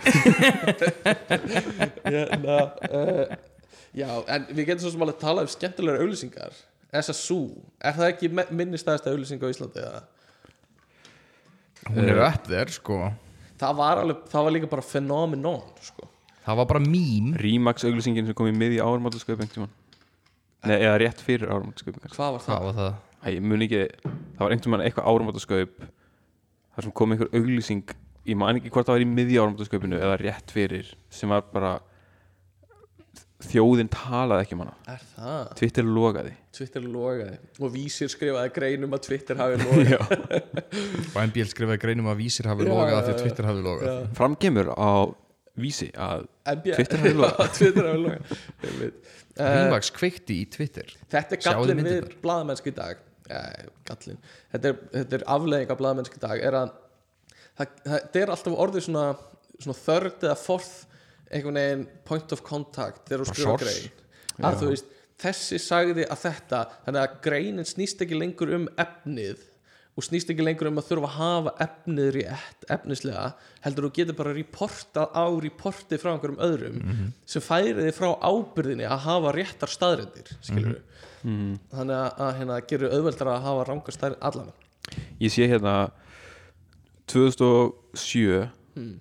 Uh, þar er frétt á vísi ok, uh, fastegnasalan Rímax býður landsmönum upp um áramótin upp á auglýsingu í umtalaðasta auglýsingaplás Íslandsögunar í miðju áramótasköfunu hmm. þrátt fyrir bölsýni spárum fastegnamarkaðin virðast rímaksmenn eiga fyrir salti í grautin og ríflega það en þeir munu hafa reitt fram þrjár miljónir fyrir plásið Mér finnst það ekki það mikið samt. Nei, ekkert þannig, ekki fyrir rímaks Hvað sagði, 2007? Já, Já, Twitter var stofnað 2006 þannig ég veit ekki hversu logandi það var. Nei, Twitter hefði loga MySpace Já, MySpace loga. MySpace var sko, on fuego. Hérna-.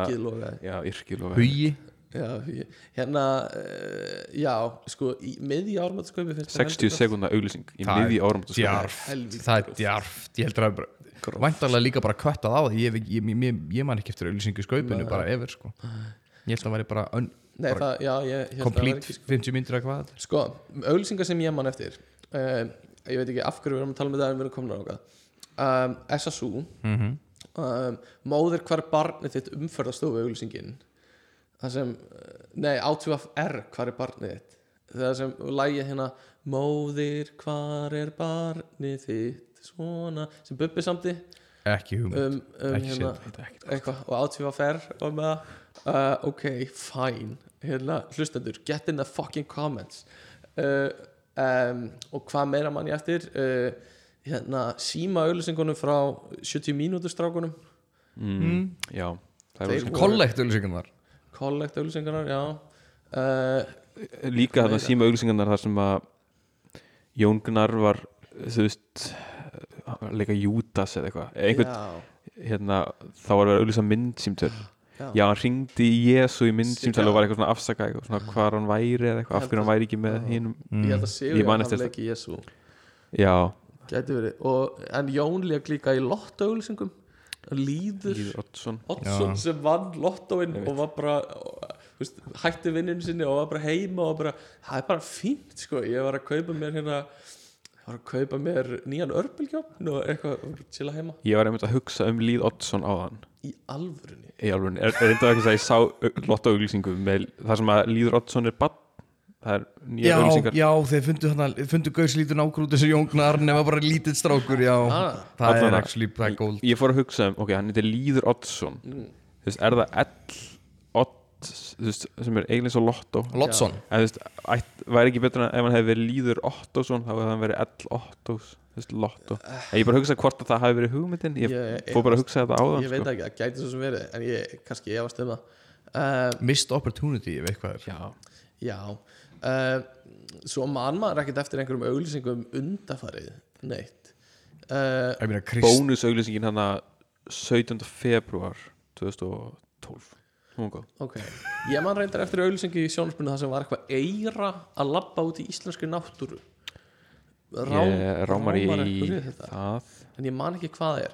Og síðasta sem ég man eftir ég nenni ekki að fara að telja upp fleiri auglýsingar er uh, hvað heitir það, þykvabæjar auglýsingin það sem allir voru að breytast í álfa eða eitthvað svona, Ég þú og Gaurið sem segir trúur þú á álfasögur Álfasög hann fekk eitthvað svona eir já, eiruna Svona svo, svo 90s, 80s CGI hérna, svona Það Það er það maður- klassíst sko. Já. Nýðist maður maður til gotta? Jó, gott, frábært dæmi reyndar. Það Líka- er svona líka- að flottur ari að stunda í líkamsrækt í Hitler júðbúðunum sko. En, en þú náttúrulega, þú náttúrulega mannst líka sérstaklega eftir hérna hérna að því ég mann að þú sendir þetta okkur mann Artgrímur, ertu búin að borða ostinn þinn? að því líka gaurið sem er gotti eða þannig á að vera hérna í þessum osta auglýsingum sem er eitthvað svona ari er alveg eins og Argrímur vinnur okkar. Mm. og hann heitir Argrímur Svo svona liftir hann upp, liftir hann upp kjaftinum á hann og skúpar hann einhverjum ostbit og hann bara Ah, svona, já, wow, einmitt. hvað mér langar að læra í dag. Ostur, bætir og kætir. Ég er með ótakmarkað orku. Og svo, og svo fyrir hann eitthvað að hoppa En hérna, ok, fyrst við erum að tala um þetta. Frábæra auglýsing líka uh, Og Rip Svali En Svala auglýsingarnar með Jóni Páli. Já, klassik Já, hérna Henn er á hjólinu. Já, eitthvað. Hvað er þetta, alla daga? Þetta er ekki gott að þú drekkur um svala.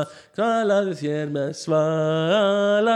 Durulu, durulu, durulu, En, en, en þetta er líka bara sko lög virka Já, jingle, þetta eru jingle, þetta eru valla lög Ég meina hreyvill 5, 8, 8, 5, 5, 2, 2 Það vita, það, það, bara miðjuröðin. Já, þetta fokki svínvirka já, sko. já. Ég það læsist inn í haustum á manni. Já, ég man þeir þessu líka í mitt 5, 8, 8, 5, 5, 2, 2 ljóminn? Já, hvernig var það aftur? Ef ljóman þú brendir ljómallar. snæðir mun ljómin að eilíf Lífu Einmitt, Þú veist, leða komið lag virkar. Jingle, jingle jangle baby. Þannig að allavega kókamörk líka svo sem. Já, það virkaði ágætlega. Ég er ekki með Kraftur úr kókumjólk Ómjá Ég er ekki með eitthvað sérstaklega auglýsingu samt í huga sem ég man eftir þeim sko um, Ég man bara eftir slagvarðanum okkar sko. Þau eru allt svo frábær. Nú, New Zealand. Ný, Viltu nýtt? Viltu annað? Eitthvað. Uh, Var ekki. Við býðist afsökur til sponsor þáttarins. Nýja nýja nýja salat Herðu, allavegna Allavegna um, Hvað, hérna, hvernig hafa búðir breyst Björgvin á síðust árum? Vá, það er svo gaman að hafa spurt. Sko. Fyndið að ég skildi spyrja. Uh, Ég er meitt hún að vera liggja yfir þessu. Í alveg í allan dag. Bara, bara að tilviljun? Já, eiginlega. Gekkja uh, Sko, ég get alveg svona stikla á stóru fyrir ykkur. Átt til já Reyndar sko Ái. Ég fór svona að skoða meira sko ekki sögu verslana Já. heldur sögu verslunar. Já, bara frábært. Er það ekki, Já, það er bara gott það er bara fínt. Sko, ég Þetta er alltaf sí, síðu sem heitir bigcommerce.com uh, og ég hef ekkert fakt tjekka neitt. Ó. Þetta er bara það sem stendur það það er, það er best. Það þarf, já, það þarf ekki fakt tjekk Það er ekki fært Big Commerce hlýtur að vita hvað þeir eru að segja. Samkvæmt þeim, þá byrjaði verslun 10.000 til 5.000 fyrir Krist. Þetta er það sem ég hef alltaf sagt. Þetta er það sem ég er alltaf að segja Þar, Viss sko, hérna svona, svona verslanir þar sem fólk var að, hérna, versla með kýr. Og þá voru kýr, sko í rauninni gjaldmill, sagði Big Commerce. A, en ekki, sko, þú, veist, þú varst í rauninni ekki að, það var ekki beint vöruskipti Nei. heldur var þú veist, kýr var bara með eitthvað fast gildi. Kú, kúgildi? Þeir eru í öllu, öllum íslendingabókum. Núna er það notað í, í, á samsæðismiðlum Kúgildi Q, QAnon. QAnon. En já. Allan- ok, við ætlum að stikla stóru. Förum nokkur þúsund ár fram í tíman Það er að segja 1200 að, því við bara tröflum Við við hægt og rólega. Ég væri alveg til í að vöru skipti væri viður svona uh, meira viðutekið þau, Viðutekið þau eru myrna, fólk stundar vöruskipti. Já, Ek, Þetta er náttúrulega ekki svona official sko peningar, hvað eru peningarstrákar? Það er nóta upp úr skuldir, skilur við og hérna, svo borgar skuldinar með því að, með vörun er í rauninni það sem, það sem peningar gera, gefa. Ég er, ég, ég er búin að stunda vöruskipti bara djarft senustu þrjú, fjör ári með, með lí- lítil pappaspjöld sem einhver vefsíða segir mér hvað kostar mikið. Í, í Magic the Gathering það er bara straight up vöruskipti. En það er samt ekki vör e, Ertu að skipta á spjöldum? Já, ok. Og ég er kannski með, ég, ég er kannski með mér langar í eitt gott spil sem kostar eitthvað, þú kannski segjum 20 dólar eitthvað þér. Þá bara býð ég þér að finna spil sem eru jafngild því samkvæmt einhverju, einhverjum, einhverju síðu sem við notum Já, þá velur þú bara eitthvað upp í það. Og svo færð þú bara það. gerðum þetta sama með Pokémon-spilin í gamla daga Nákvæmlega. nema þá bara, ef hún var töff þá bara ön, önnu sín sko. Uh, ég man að það kom einhvern uh, svona frændur og frængur frá bandaríkjunum heim til okkar þegar Pokémon-æði var á Íslandi. Og þau komu með allt Pokémon-safnið sitt og bara svona dömpuðu því á borði fyrir framann okkur og bara, bara hrúa þau áttu ógæðslega mikið af þessu. Og svo voru við að tryggvi bara að gramsa og fundum tvo mjúa og þeim var alveg sama um það. Af því þau notuðu spilin til að spila og mjúanir gerði þetta skýr. Uh, en allavega, hvað var ég að segja? Uh, já, ég var til að nota vöruskipti meira og geta bara farið með eitthvað drasli Jack and Jones og sagt Þú, bara Ég er með hérna blandara? Og úr bílnum mínum og, og, hérna, og svo er ég með uh, svona hálf klárað hérna, kekspakka hvað fæ ég fyrir það? Soka Já, tilbúð en svo er bara eitthvað sérfræðingur staðar sem er bara, ok, metur það eða bara smáralindi með sjö svona metra sem eru bara vappi í smáralindi og kalla það inn. Og ég er bara svona 3D skanna. Þú setur bara hlutin inn og hann bara Svona eins og í hérna 2734 krónur Pawn Sta- hérna, Pawn Stars. Pawn Stars Ég ætla að fá hérna ná í sérfræðingin allavega já við höldum áfram Já. frá 10.000 til 5.000 fyrir krist Já, og við erum komin í 1200 fyrir Krist Ok. ok Það gerist eitthvað hann á milli en engin verslun átti sér stað uh, þá voru fólk fara að nota skeljar sem Já. gjaldmiðl því að þær voru svona, þú veist, þær voru fastar þær voru, þú veist, þær voru ekki að nei. hérna, eða þær voru endingagóðar og, og auðvöld að flytja einmitt og það er líka hérna vilt að finna? já, upp skeljar í sjónum. sko. Já. Þetta er svona eins og hérna uh, hann net netgjaldmiðlarnir Tóti. Nei, nei, nei, nei, nei. Bitcoin? Bitcoin, þú ert að grafa eftir þessu sko, þetta er bókstaflega. Pæli satt í því hvað væri fyndið. Að þú væri bara, já, nei, við hvað vinnur þú? Æ, ég fyrir bara út í sjó. Og bókstallega finn skelljur sem gæti verið virði virði held að vara. Big Commerce var að tala um að það væri einhverja sérstakka skeljar já, já, já. og já, ég er ekki frá því að svipaðum tíma hafi hérna Mall of Ancient, Ancient Greece hafa opnað hana líka. Já, emitt, Já, þú meinar Magrík Magrí og hérna, það var alveg ísbúð og eitthvað. Og fyrsta mathöllin var þar. Já, bara Kristi Ókun allavega, og já, Gyros Gyros Gyros seðlar. Nei, þetta er Pokémon sem var til Líklands allavega, Herðu, 1000 til 500 fyrir Krist. Mm. Fyrsta myndin slegin Já. í, í Sardís Já. sem að nú er það sem Tyrkland er. Já. eða er það sem Tyrkland er núna. Og hann sagfræðingurinn uh, Herodotos skrifaði um, um verslun milli Mesotó, Mesopotamíu Mhm. og grísku eigana í Jónahafi. Og ha, þar á fyrsta smásalan að hafa farið fram, svona retail verslun. Ok. Uh, máttu selja bjór í smásölu. En ég hafa lokað sundu á, alveg rétt. einmitt, einmitt. Svo erum við komin í 30 fyrir Krist Ég tek fram, þetta eru bara svona milestone Já, sko. þetta er stóru þetta er, Stóru póstarnir. stóru póstarnir. Mílusteinarnir? Uh, Silkilegin, hún var svona a- að koma fram hana, 30 fyrir Krist. Já. Tengd saman Kína og Austurlöndin við Miðausturlöndin og Evrópu. Mhm. Þarna var, voru alls konar vöruflutar tækni þjónusta og silki, silki. Silki. Og, og uh, krydd, pappir byssupúður sem var fundið upp í Kína flutt, flutt þessa leið til Evrópu. Næs Árið 0 fyrir Krist. 0 fyrir Krist, 0 eftir Krist. Árið 0 Krist. Uh, Þá voru svona fyrstum markaðinir að koma. Já. þeim eru svona fortíða málin sko. já, já, fyrir utan Mall of Ancient Greece. Magrík. En ok, talandi um markaði. Við hefðum kannski átt að tala með þann af því við höfum farið allan ég og Tommy í hérna svona gamla markaði eins og í Marokko, Medinan í Marokko það er upplifun út af fyrir sig. Það er magnar Það er svona Disney markað og er, Tjöld og all pakkin þú sko. ég ætla alls ekki að bera þetta saman við kólaportið en, En þú ert að því.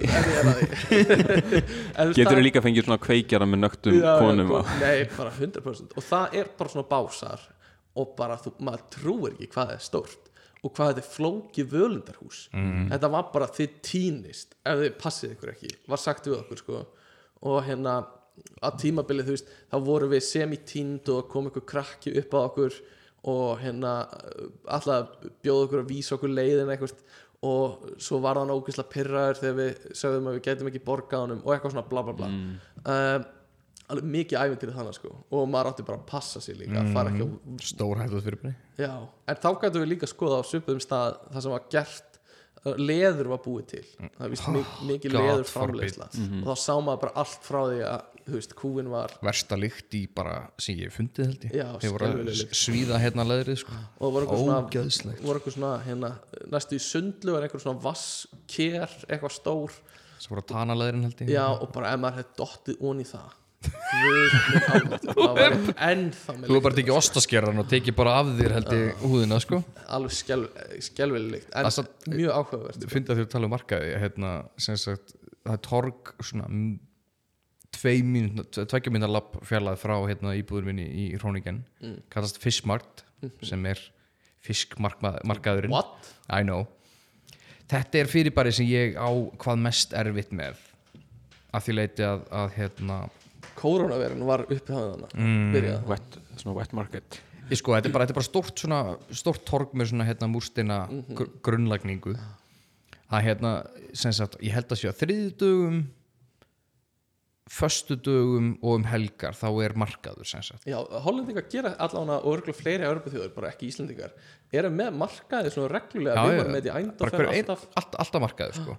málið er ég gleym alltaf hvenær eru markaður þannig að það er, það, er alltaf, það alltaf miklu meira vesen að koma sér á staðin sem ætlar að koma þér á eins og til dæmis skólan af því að þú veist þegar markaðurinn er þá er torgi coverað Já. sem þýðir að fólk þarf alltaf að hjóla framhjá ekki getur ekki hjólað yfir torgið eða og allt svo leiðis og veist, þessi bílar og vagnar og allt þetta dót nær oft inn á og fleira, það er bara vesen. Gleymi alltaf þetta þannig ég er alltaf þegar þetta kemur upp svona, fuck, það er þriðjudagur dag. Og, og þá, hérna, þá er ég svona aðeins setna en ég ætlaði að vera gífurleg fiskilikt af því að mikið af þessu er fiskur þetta er ekki allt fiskur, en mikið af þessu er fiskur. Og af því að það eru mikið af fiskvörum sem þýðir að það eru mikið að klaka og vatni og dæmi þá er alltaf allt blöytt sem þýðir að verður alltaf rosalega sleift þessar hellur er ekkit alveg beint hannað til þess að vera þess að með góðu gripi. Þannig víst, þetta er svona fullkomin svona versti þriðdags morgun hjá mér því ég er aðeins sinn og ætla að hjóla fram í og bara svona, god damn it. Fiskilikt, hált, ég sinn mikið af fólki, fullkomin En eru þið ekki með góð þriðdagstilbúð? það er engin dómin á samarkaðin Mér finnst, já, þú getur fengið, þú veist fisk á örgla spotbrís, sko, ferskan með þessu já, þetta eru skemmtilegi markaði sko. einu markaðin á Íslandi eru jólamarkaðurinn og svo vikingamarkaðurinn í Hafnafyrði það er svona það sem við fáum hérna. Eins og við getum keft þér óbeitt sverð eða eitthvað. Og, og hérna óbeitt sverð? Já, er það nafnið á þessu? Já, ég var ekki. Veit ekki, og hérna já, en mér finnst það gaman að því þannig áttu að prúta sko. sérstaklega hann í Marokko sko. já, guð. Já, ég kefti mér úr og ég sagði við Guðurinn uh, ég þarf bara eitthvað sem er vasselt. Og hann bara, já, mjög vasselt mjög, mjög vasselt. Og ég myndi að vasselt, þetta er meira vasselt. bara, mér, sko, það þarf ekki að gera neitt nema að segja mig tíman og geta farið í vatn. Bara, já, mjög vasselt, þetta waterproof, mjög vasselt og ég eitthvað frábært, ég skal bara borga uppsett verð, ég er svo ánæði með þjónustuna hérna. Og svo hoppa ég út í sundleginu ég er komin á hótelið, ónýtt bara strax ekki gott, ekki gott Þetta minnir mér sann smá líka ég, ég fór hérna, ég kefti hjólu mitt úti sem Mm. ég er búin að láta að stela að því ég er klár vel gert, Takk. tók ekki langa tíma Nei, nei, maður er ekki alveg holdingu fyrir að búið að stela hólu hérna hjóla manni spýtrunna, að, Ég náði, ég held því alveg, alveg fram að jólum sko. Ah, ok. en hérna, ég sérst fór inn í bara svona búð sem hétt Budget Bikes og Mm. þetta leit út eins og bara hjóla verkstæði nema það voru bara hjól út um allt líka Mhm. og ég lappa hann inn og ég teka bara 100 efru seðil og er bara ég ætla að kaupa hjól og þennan penning Mhm. og hann bendir já ég er með þetta hjól, ég er með þetta hjól ég er með þetta og ég eitthvað já, ég verði til í handbremsur. Mm. af því að ég er vanur handbremsum en ekki fótbremsum, hann eitthvað já það er með þetta hér, hér, hér. Þú veist, að, það var ekkit prútt á ekkert veist, ég bara, þetta er það sem ég ætla að eyða. Já. þú bara bendir mér á hjól sem kostar þetta. Og svo, svo bend, bendur okkur hjól svona, já, kom með lása hann eitthvað, já, ég get, þú veist, skuttlaðin lás hérna, jú, jú, ég skutla bara lás með þig, ég bara fínt, hjóll og, og lall komið, Einmitt. Einmitt. Við vorum einu svona hjóla í, í voru konur í einhvern smá bæ hana fyrir utan Eindhoven þegar við vorum í Hollandi og ég sá hjólabúð og mig með að fara að verka svo mikið í rassin af hnakknum á hjólinu að ég ætla að kaupa svona, svona gelpúða og fór inn í hjólabúðuna Hello, uh, I'm looking for a like a silicone uh, uh, padding for my uh, you know uh, For my ass. seat Já, og gaurinn talaði ekki neitt í ensku það er fyrst, bara fyrst og eini sem ég hef talað sem bara talaði ekki ensku og ég var eitthvað svona að reyna að lýsa og leika fyrir hann. Svona gelpúða fyrir hjóli og ra- benda á rassinn bara it- it's uh, you know Hem, uh, hemorrhoids. hem- uh, like yeah, hemorrhoids I, I'm heavy and uh, uh, there's like pain in the ass. Og hann bara ekki, ekki einu svona smá. Hérna ekki að vera að byggja um svona gel svona silikon implants í rassin já, já. hann bara I can do it Kim Kardashian but for bike. Mm, yes. Allavega. Og kom bara ekkert út í. Og ég svona þóttist skoða einhver aðra vörur og svo hloppaði ég bara út. Ég, ég, ætla, ég ætla að pitcha inn bara örstut ástæðan fyrir ég týndi hjólinu mínu nei, ég, ég, ég, ég stela hjólinu mínu. Sérst lási minn á hjólinu, svo keðjulás var mjög stífur, það leit eiginlega út þess að ég veri oftar að stela hjólinu mínu heldur að opna það af því að líkillin var ára reyðgæður og á kalt úti og vesen það er verkstæði upp í skólabyggingunni sem getur gert svona mænur rætningar fyrir hjól. Og ég fer að það spyr, er þið með lásálju bara svona, bara vaft í 40 eða eitthvað svona setja glásálja þeir eru eitthvað, já ég komið með hjólið, skuttlaði niður kemur lásálju í lásins og horfur hans á hjólið tekur í afturdekki og hristir það svona aðeins og svona já, þú veist wobblar það þegar hjólar. Ég var bara, já. Og það, já, ég gefi svo svona tvær, þrjár vikur. Þá dettur aftur dekki í sundur hjá þér. ok. Og ég var eitthvað svona, það er slæmt. Það er ég hjóla heim og hausinu mig bara, ok, það er verkfæra ka- kassi í íbúðinu sem ég er að lega ég ætla að sjá hvort ég geti hert bara einhverja skrúur og bolta og sjá hvort það mér hjálpa. Mm. þannig að ég kem heim, fyrst sem ég gerir er hlaupin ná mér verkfæra kassan, næ í skipti líkil og dót. Herði skrúur allt allt saman komið og dekki miklu meira steipul ég var bara, ok, hefur næst, ég get alveg að kipt mér líftíma hérna á hjólið. Svo ver ég inn og læsi ekki keðilásnum Mm. læsi ekki hjólásnum sem er svona lít, lítill lás sem er bara á hjólinu skil líkilin eftir í þeim lás Mhm. og fer svo bara inn og svo svo vaknaði daginn eftir fyrir út og ég bara hm, hjólið mitt er ekki lengur það sem það var. Þetta er stór business í Hollandi að, stila hjólum sko. Já, og vest er sko svo bara held ég tveimutuðu setna þá var ég eitthvað átt á sko bara röltinu niður í bæ með hérna, vorum bara að fá, okkur bjór hérna einhverju vinnir og þá kom gaur, bara eitthvað gamalt kall, eldgamalt kall hjólaði upp mér bara það er hjól? Og ég var bara, það var bara 20, 20 eurur fínasta hjól. Og ég hugsaði bara já ég er bara ekki með kassa á mér þannig ég get ekki gefið þið 20 eurur ég, ég hausar var bara, svona virkar hollenski ég, ég, hann átti ég bara rétt á 20 eurur þá var ég komið með nýtt hjól, spikk og spann þurfti bara að koma með lás komið. En nei, ég var ekki með pening á mér þannig. Jæja, við höldum Jæja. áfram. Heldum áfram með skemmtilega partinn. Heyrðu. Uh, Árið 800 Eftir Krist. Ah, Pappírseðlar líta dagsins ljós. Já, uh, Og svo var það í kringum 1100 sem svona fyrstu pappírseðlarnir sem voru svona official gefnir út af einhverju ríkistjórn af hérna songættinni í Kína. Já, var hitt bara eitthvað joke? Já, Nice. Það var bara eitthvað sem að samtök yðnaðarins og bara gáðu út, sko. skrifa á dag, dagblasúrklippi bara 100 peningar Hældu í fyrsta görðin sem nota sæla í verslun. bara einhverja búð og voru bara, nei Ok, hlusta á mig, hlusta á mig. Þú gefur mér þessa mjólk og, þess, og þetta kjöt hérna og ég gef þér pappir og en, en, en, en, tr- treystu mér, treystu mér. Ef allir trúa á þetta, þá getum við notað þetta alls Þessi seðið, þessi pappír Já. Og þessi tíu gullpenningar þeir eru jafn mikil svirði Já. Trú, trú, trú, trúðu mér, það verða bara allir að vera með. Allar prentsmiðu bara hmm, nice, ég ætla að prenta pening. Ok, pappirsælar það var 800. uh, 1600 Austur India félagið ah, Það er big, big boys. Já, uh, stopnað í Breitlandi til þess að taka þátt í kryddverslun Indverja. Þe- Þessi félög, þetta eru bara ennþá þann dag í dag stærstu businessar sem hafa verið já.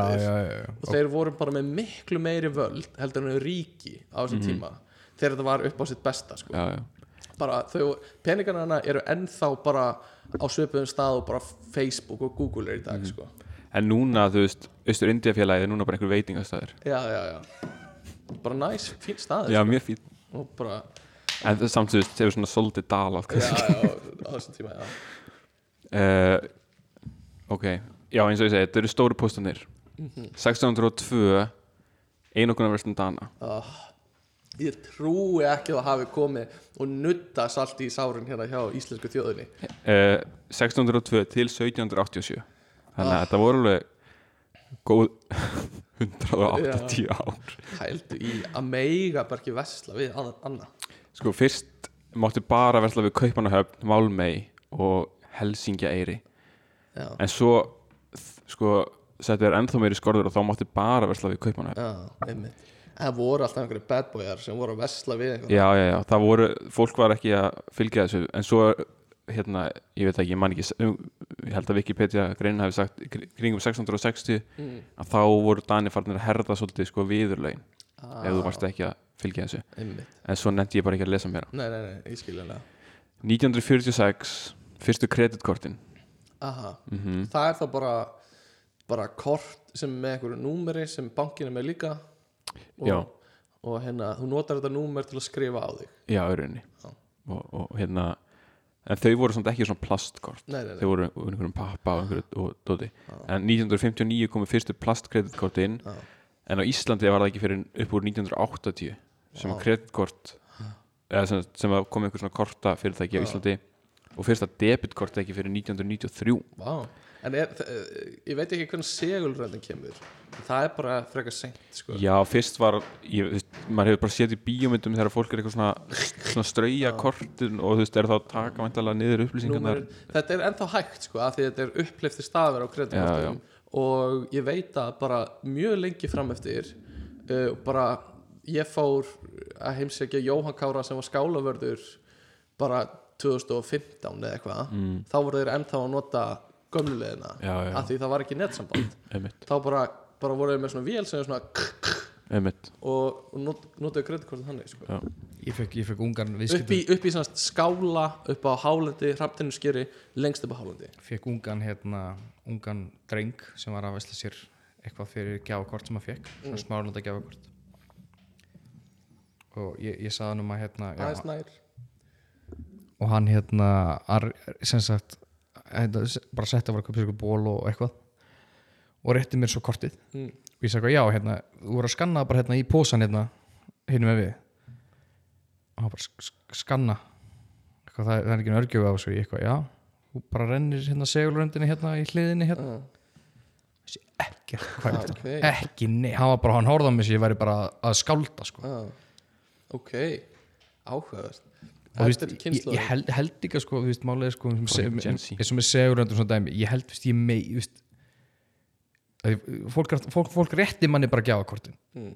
en ég vil að fólk re- renni bara kortunum sjálft í gegnum pósans, mm -hmm. skilur ég, ég held ég megi alveg gera það mm. en mér líður alltaf eins og sé bara svona þú ert viðskiptavinurinn, Mhm. þetta er þín, þinn greiðslumóti Nú er komið að þínu hlutverki Já, ég, mér finnst eitthvað skrítið við að að gera þetta fyrir fólk líka þú veist, fyrir þetta það að þú veist, það er ekkert frábært angul hjá mér að tegja mér yfir borðið eitthvað, að reyna eitthvað að gera þetta und, eitthvað, eitthvað asnalega sko.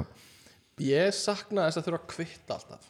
Gjafakortin eru kvitt, kvittukort. Er það? Já, það er kvitt, út að að kvitta. Já, út að kvitta, kvitta þar sko af því að það er í Ég fór, þegar ég var í Kaupmannhöfnum daginn þá hérna að- var ég, að kaupa mér eitthvað kaffi eða eitthvað og það gekk eitthvað illa að nota kortið þannig að hann let mig kvitta eitthvað svona, já, eitthvað, þú ert með amirist kort þannig að þú ert að kvitta. Ok. Ég var svo móðgæður bara félagi ég er ekki með amirist kort. Alls ekki með amerísk sko. Þú helst okkur Jeg í einokun ikke en amerísk kort. Þið heldu okkur í fucking einokun hann að í Dani, Danir og eru svo að koma og segja ég sem er ameríst kort skilur Já, það er bara aldils upp á þeim tippið sko. Já. þannig að ég bara hendi, hendi kaffinu framann í hann og mm. Mm stundisaði út En, en þegar þú pantaði kaffi, hvað sagður þá? Kann ég ha ein kopp kaffe? Ein kopp kif Einmitt. Einmitt. Uh, já. 1987, Kringlan Hófurekstur Ah, Kringles. Þetta er arftaki Gömlu The Mall of Ancient Greece. Það gerðist ekkit mikið þarna á milli. Nei, Í svona þróun. Voða lítið sko. Þetta er allt sama dóttir sko. Ég er nokkuð sem er hafður með sösturinn greni líka Smá sideline, hvað finnst ykkur um, um nafni á nýju matallinni? Kúmen, Já. Þú veist, fínt af því þetta er Það kringlan er ekki, er ekki sniðut Það er bara Ah, það. Ok, Því Svona kúm, krydd. kúmin er í kringlu? Kúmen er í í kringlu. Ég held að það sé málið. Já, það Já, er ma- alveg hlýtur að pottþétt. vera. Bara fínt Ekki bara, Jú, ég hef ekki farað þannig, ég veit ekki hvað það lítur út en ég skilst það lítur út eins og eitthvað svona eitthvað, Æ, eitthvað þetta lítur út eins og þarna Allar hinnar matallunar já, ah, já alveg rétt. Já, já, Ég satt heyrt þetta lítur út eins og sko, eins og bara eitthvað svona svona mötunit í, í svona mentaskóla í high school dæmi, þú veist það er búið að taka allar karakter á öllu búðunum. Mm, já. Já, það eru allar eins. Já, að, þú veist, það var svo gaman þegar all húsin voru í mismöndi litum og, og voru svolítið litrik og merkin og allt, sko, það, það er business sko. algjörlega. Algjörlega 2006 Krónan sett upp fyrstu sjálfsafgreiðslukassana Aha, uh, sem eitthvað tilrunaverkefni Ok. og það bara virkaði ekki hjá þeim þannig að þau tóku það út og svo 2018 var, fó, settu var fólk bara tjing, opnaði bara skúfa ég veit og ekki hvernig það virkaði sko en ah, já, ok. ég vissi þetta ekki fyrir en ég Nei. fór að gera þessa miklu rannsóknarvinni sem ég gert Mhm. en já, 2018 las ég að þá svona fór þetta að koma já, þetta er briljant sko. Að þú veist láta óskönnuð viðskiptavinnin vara á pókasvæði já, en þú veist láta viðskiptavinnin gera vinnuna sem áður var í höndum starfsmanna. Já, já. Gera- vara á pókasvæði ég bara skil ekki af hverju það er aftur þessi vikt á pókasvæðinu ég talaði um þetta áður í Hollandi er engin vikt og það er engin að stela neitt meira þar. Jú. Er það? já fólki sem er með bakpoka er alltaf stela. Á, ég, ég, ég, ég tek bakpoka eins og ég skanna bara dótið mitt og ég bara allt, ég skanna og setja hann í bakpoka Já, sko. þægilegt, en, sko. en það er mjög, ég, ég veit mjög mikið fólk sem er bara, já, ég, ég skúpa bara einhver inn á milli. Já, já ok. En, en það sem ég linda líka að fyndi með Holland er það þess að ég er náttúrulega búin að vera að gera alveg sjálfvirt bara í í að hagkopi smárlind að þú veist, þar tekur þú kvittunna og þú skannar þig út. Þú farið svona kvittu með, með strikamerki Mhm. og skannar svo liðið opnið svo þú getur farið út. Þannig að þú bara klára kaupið þín og svo ferð út. Þannig ég stend alltaf í í hagkopi fyrir að býða til einhverju miða. Í svo þrjá sekundur svo er ég bara svona, að já, að fuck, þú ok, já. vanur að gera þetta út já, ég bara alltaf að taka miðan, skanna út svo ég komist út, þannig að það er svona mjög fyndi Einmitt. herru, hvað með, við erum Heyrðu. upp í 2018 Nei, já, hún kom 2018 2022 uh, Prime Energy seldur á 400 krónur í viku. God damn bro. Ég náði nokkrum. Það var fáránlega en er það ekki bara svolítið eins og þegar vænstjarnan kom? Þetta er Þetta er bara hérna mér skilst þetta áhrifagjöf sé allt í lægi á bræði sko. þetta sé Það er ekki málið. Nei, nei, þetta er bara brand. Þetta geti kostað 100 kallur þetta, sko. þetta kostar meira heldur en með, þú veist, bara fýtt bjór í ríkinu. Já, Ein flaska af þessu. Og- En ég minna og- hlæðsla kostar það líka Ekki í krónunni. Nei, kannski ekki. Og- Ég geti hlæðst í haugum Krónan líka- 350 kall sko. Já, króna, nei, hérna hlæðslega er líka prótindur ykkur Þetta er bara eitthvað vítamindur ykkur. Og og Þetta er bara vatn með bræði við komum aftur að þess sem ég sagði í byrjun en þegar ein kú pissar pissaðir allar, skilur Og pissið er Prime. Já, en, og þú veist það- Prime time piss. veist, þegar það komið smá eitthvað svona hæp kringum þetta mm -hmm. hvað er allir ekki að fara að kaupa þetta? Að að- þá, þá fara allir. Sko, þú veist, fyrir mitt leiti Langflestir af þeim sem voru að kaupa þetta voru börn. Já. Börn og úlingar Já. Og þau eru áhrifagjöld. En það sem er verst er markasetningin og, þú veist, og þú veist, það, sá endi af þessu öllu saman. Þú veist, það er það sem er siðlust Mér það er það sem er vond við þetta. Sá satt finna frétt í kring, kringum þetta hérna, Það kom frétt í Bretlandi að Prime væri komið í Æsland mm, Þannig Bretlandir hlupa allir út í Æsland Æsland, Veslandar í Bretlandi Er hann að kaupa Prime. Nice. Og það var ekki til það. Það er þetta mjög fyndið. Það var, mér fannst það pín skondið sko. Ég, en svo, sko, ef við værum að gera þennan lista eftir 2000 ár þá væri talað um, sko fyrsti bitcoinin myndaður 2008 Slegin fyrsti bitcoinin eða eitthvað svo leiðis þá verður það á listanum sko. uh, eins og bara hérna fyrsti hérna skeljarnar og eitthvað svona. Skeljar notaður sem gjaldmiðl Já. fyrsti bitcoinin um, eitthvað meira? Erum við erum Nei, við ég komin ég held að 2022 það er nú það er stuttlið af 2023 ennþá. Einmitt, það er það. Við er, er eitthvað, markvert gerst í viðskiptum? Nei, við erum staðið Endalaus, endalaust hérna, greiðslumiðlanir. Það eru endalausa greiðslumiðlanir. Það er bara, Íslandikar hætti ekki að búið til eitthvað nýtt shit sem heitir eitthvað annað. Sem á aðstofa fólk við að kaupa dót einhvern veginn. Mm. Pay til dæmis. Já, já, Pay virkar bara ekki. Netgyro Netgyro actually fungerar sem er samt, það. er ógeðslega frábært dæmi með Netgyro sem sagt kunnarnir vita þetta með þess að að því Netgyro með þess að þú farið svona í, í síman farið svona barcode og svo eitthvað, eitthvað númer sem getur sleiðin og allt þetta. Ef þú skannar barcode-in á Netgyro þá frýs kassakerfið. Og þú ætti að restarta kassakerfið. Fyndi kunnarnir vita þetta. Ah. kunnar sem nota Netgyro eru bara, þú mátt ekki skanna. Ah, ok, að fólk sem er kannski nýtt í starfi og ætlar að skanna bara einmitt. Kunnarnir eru bara, nei, nei, ekki skanna þetta. Já, ok. kerfið mér Já. þannig mér líður og sko vestluna fólki veit þetta kunnarnir veit þetta. You bet your ass netgjur að veit þetta. En það er alltaf bara svona við veitum ekki alveg af hverju Nei. en þetta bara gerist og við ætlum bara að halda okkur við það ástand að fólk bara handslæri inn þessi númer í staðin það er bara einfaldar heldur að laga kerfið þegar ég fyrir hagkaup ég held að það sé aðalega hagkaup það sem þú getur fyrir sjálfsafgjörslu kassan og það getur valið greiðsluleið. Já. ég, hef- ég hugsa í hvert einsta skipti sem ég setja netgírómerki. Já. hver notar þetta? ántjóks, veit það ekki. Ég skil það ekki. fullt af fólki. Greinilega. Fullt af fólki. En, en oftast er netgjur notað í stærri innkaup. Já, einmitt. Já, einmitt, við fyrirtækjum með eitthvað Já, bara þú veist, þegar fólk er að kaupa eitthvað fyrir 50-60 kall, þá er netgjur og stundur nota og þá er þetta oftast eins og en þetta eru bara frestanlegar fæslur, eða ekki? Er það ekki Jú, það að ég vil gera? bara Ekki skipta þessu niður í einhver smæri greiðslu Ég held það. það máli ég held að Þú það er bara, þú er annarkvæmt að kaupa þetta og þá borgar þetta eftir, eftir tvo mánu en þú veist, hvað er þetta að kaupa á sjálfsafgjörslu kassanum á hagkaup sem þú þarfst að skipta Það er málið, ég skil það ekki. Kannski, ekki nema að segja og sko, fyrir jólin, þú ert að kaupa eitthvað fyrir jólin kannski 20-30 skall mat fyrir jólin og þú bara svona, það væri hendur fyrir mig að borga þetta í februar Já, já, ég kannski. skilði það í kringum jóli með jólagjafir þú veist, það er mjög eðlilegt. Jú, jú. Allavega, hérna, Tommy, þú varst með svona do's and don'ts. Ég var með smá, pró, pró, alltaf, já, ég var með svona smá prótip okay. Þetta er náttúrulega ávers, vissulega mest megnis við fataverslanir því ég vinn nú í þeim. Og hérna, má ég nú sjá. Sko Fyrsta sem ég setti niður var ekki loka klefanum sem þú varst í að máta fötin eftir ótt farin út. Mhm. Ég get skilið það. Já, sko, þetta er alltaf hjá okkur, við erum með svona tjöld sem er, þú veist, bara, þú þú veist, marg, marg búið með dreigi fyrir við erum með svona, erum svona þetta, króka sem svona hengir tjaldið á. Mhm.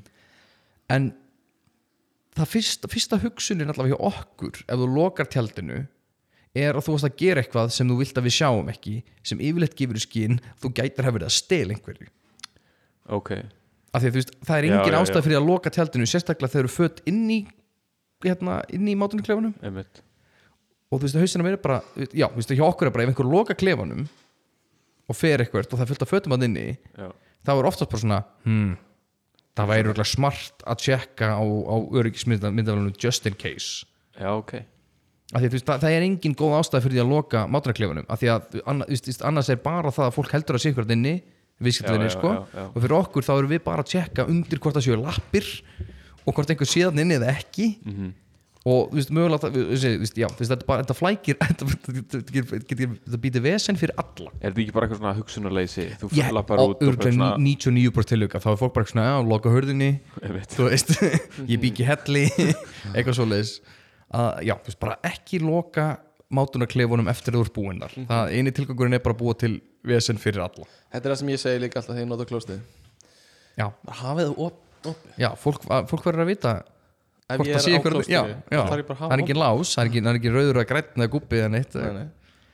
uh, maður sjá, næsta sem ég sett inn var þetta er, þetta er, þetta er meira pet peeve heldur en eitthvað. Mm. ef það er stór bungi af fötum Já. og þið vantar neðstu flíkina Já. Hentu öllum hinum á gólfi allavega, þú veist, ég, ég, ég ætla bara svona að byðla til fólks. Mm. ekki grípa í neðstu flíkina og toga hana undan bunkanum. Mm. ég mæli með að fólk bara einfallega það er, veist, þetta, oftast er þetta tiltölulega léttar flíkur, það er hægt að lifta þeim bara upp og færa þær og ná í og færa bunkan aftur tilbaka. Já. Eða byggja um aðstof ef þetta er vesen. En ef þú varst að kaupa skotöld vesti með blíi Já, ef, ef, já, þá byrður bara um aðstof Ah, það er að besta, eins og ég segi þú veist, það er er ókslega einfalt. Ef, ef þú treystir þér ekki í að ná í flíkina sjálfur sem gerist er- líka ef, ef, ef upphangandi flíkur sem fólk einfallega næri ekki í En ef ég byrður bara um aðstof Ég hoppa alltaf bara Vona að ég náði að ta taka í hérna herðatrið en ef ég er stoltur kallmaður sem þarf ekki aðstof frá neinum mm. og var 40 mínútur að leita að búðinni af því ég rataði ekki þá, spyrja um aðstoð. þá mæli ég með sko, sko, við erum með, við erum með ákveðna græjur við erum með vopn sko. við, erum með, við erum með svona staf með krók. Já, ég sé að það langur og flottur stafur. fucking hot. Já, byttum stafin Shit, ég væri til Ef að nærði ekki- meis þetta, þetta, er svona, þetta er svona langur stafur með svona fallum krók svona hálfmána krók Já, þetta er bara eins og herðatrés krókur framan á Nei, nei, þetta er svo, þetta er svo galdrastafur ah, Já, ok, fine Þetta er svo galdrastafur Fucking beautiful Byttum hann af Hva- það, það er líka power move sko, Hvað kostar það mikið mana að nota stafinn? sko það fer til, fer til algjörst hvað galdur ætlar að kasta sko. ok. það, er alveg, það er alveg basic sko. En hvernig dílaru við, hefuru uh, díla við uh, svona hnöppl, búðahnöppl Já, Hvernig er það? Sko við persónulega, veist að okkur hefur bara verið sagt að gera ekkert í þessu. Ok. Við eigum í raun og veru, ef við, ef við tökum eftir einhver sem er skrítið þú veist, oftast eins og sé sko, fyrst og fremst bara bakpókar í verslunum almennt, það er ekki það er yfirleitt ekki jákvætt. Ok, það er, veist, bara ef það kemur mannskir með bakpóka þá er fylgst sérstaklega með því. Ok. Aðalega því að þú veist, það er einfaldasta leiðin til þess að taka Já, Að við, við höfum enga rétt á því að leita í bakpókanum en, en þú veist, og, þú veist, og ég meina þú veist, í mér líður, þú veist, það er alltaf líka sjálfkvært hjá mér, þú veist, ef ég fer í verslanir út í Holland til dæmis, að því ég er að hjóla allt þá er ég með bakpoka ef ég er rölda bara gegnum maturverslun með huge bakpoka bakjun ég er svona, hmm, það gæti þú veist, það ég gæti verið með fulla bakpoka dóti Já. og mér, veist, ég, ég er alltaf mjög sjálf með þetta um að ég er með huge bakpoka bakjun þess að ég geti bara að tróða fulla dóti inn á þess að einhver sæi en ef fólk er með bakpoka þá, þá er það, veist, við fylgjast allavega er svona oft sem erum svona mm, kannski bara tjekkum á því.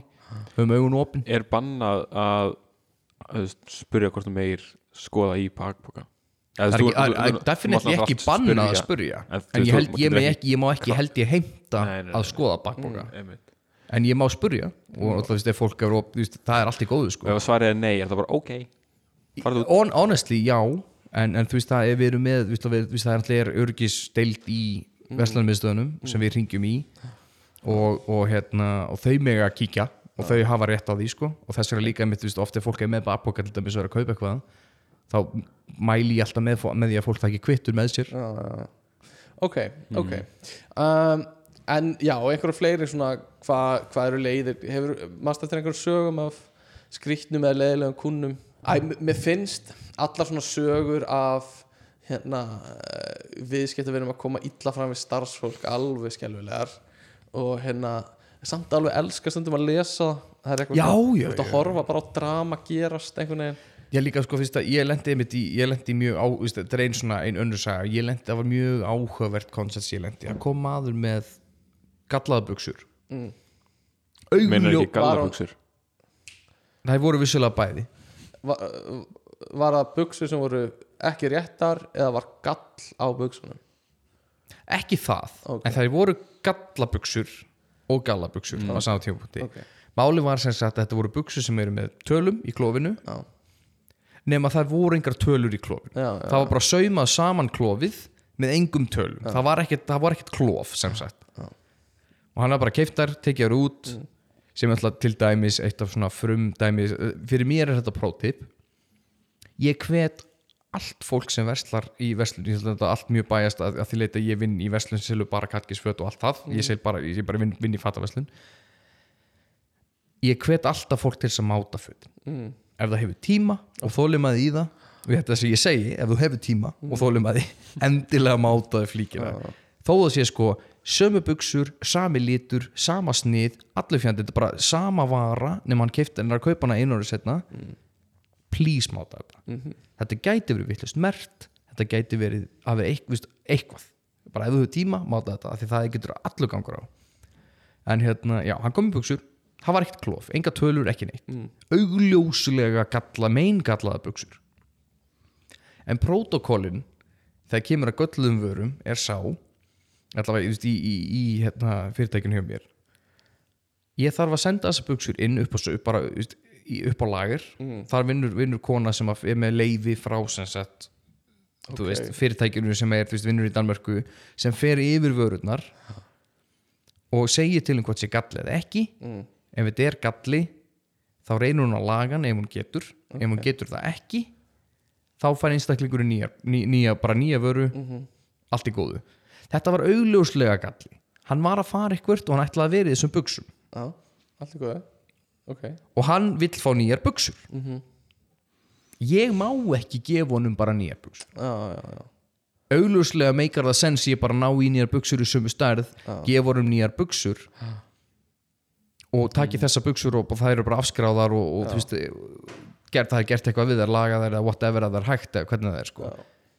En ég, ég, ég bara sem einstaklingu sem starfsmæður í verslunni hef ekkert leiði eða neitt til þess að segja bara þetta er augljóslega ekki lægi Nei. hérna eru nýja buksur. En þarf þá viðskiptafinun að býða eftir að þessi kona kveði upp einhvern dóm yfir buksunum já, faktist. Og hvað, tekur það bara tvær mínútur alltaf eða, veist, Nei, hún þarf að fá buksunar í hendur Já, sko. já. Þannig að að hann, ég þarf, við, við þurfum að fylla bara svona okay, að- að- kerfi, við þarfum miðið sér fyll út sendi þetta, svo fer þetta líklegast að fer þetta klukkan á daginn mitt er en það, veist, það var aldrei komið fyrir daginn eftir í fyrsta leið sko. En þú veist, og, veist, þetta var einmitt svona dæmi og hann alltaf var bara gjörsamlega ekki til í þetta. Keifti nýjar buksur þetta var alveg, þetta var alveg dýra gallabuksur ég heldur að verið, verið uppbyttir, uppbyttir hátt í 20 skall. Hann ætlaði að verið fyrir einhvern event og þetta kemur í ljós bara á deginu alltaf hann fari í þar að þær eru gallar. Og ég hef ekki, just, ég get Nei, ekkert í þessu. Og hann alltaf bara hraunar og hraunar. Félagið mér var var tók á mótónu sko, og var búin að hjálpa, hjálpa til. Og ég var sérst starfsreyndasti maður en hún vissulega líka elsti, elsti starfsmaður hann Já. þannig ég bara, þú veist, hvað er í gangi, hver er staðan? Og hann, hann dettur í þetta og þú veist, hann bara, þú veist, auðvitað orðið næstur sko. og hann byrja bara að hrauna á dröllum og ég bara, þú veist, ég stend á það og ég segi bara við hann, ég get ekkert gert ég skal ringja í Vestlunarstjóran og allt þetta. Líkutin á því að hann segir mér nákvæmlega sama venjulega fyrst hann er ekki hérna og getur ekki metið þetta sjálfur.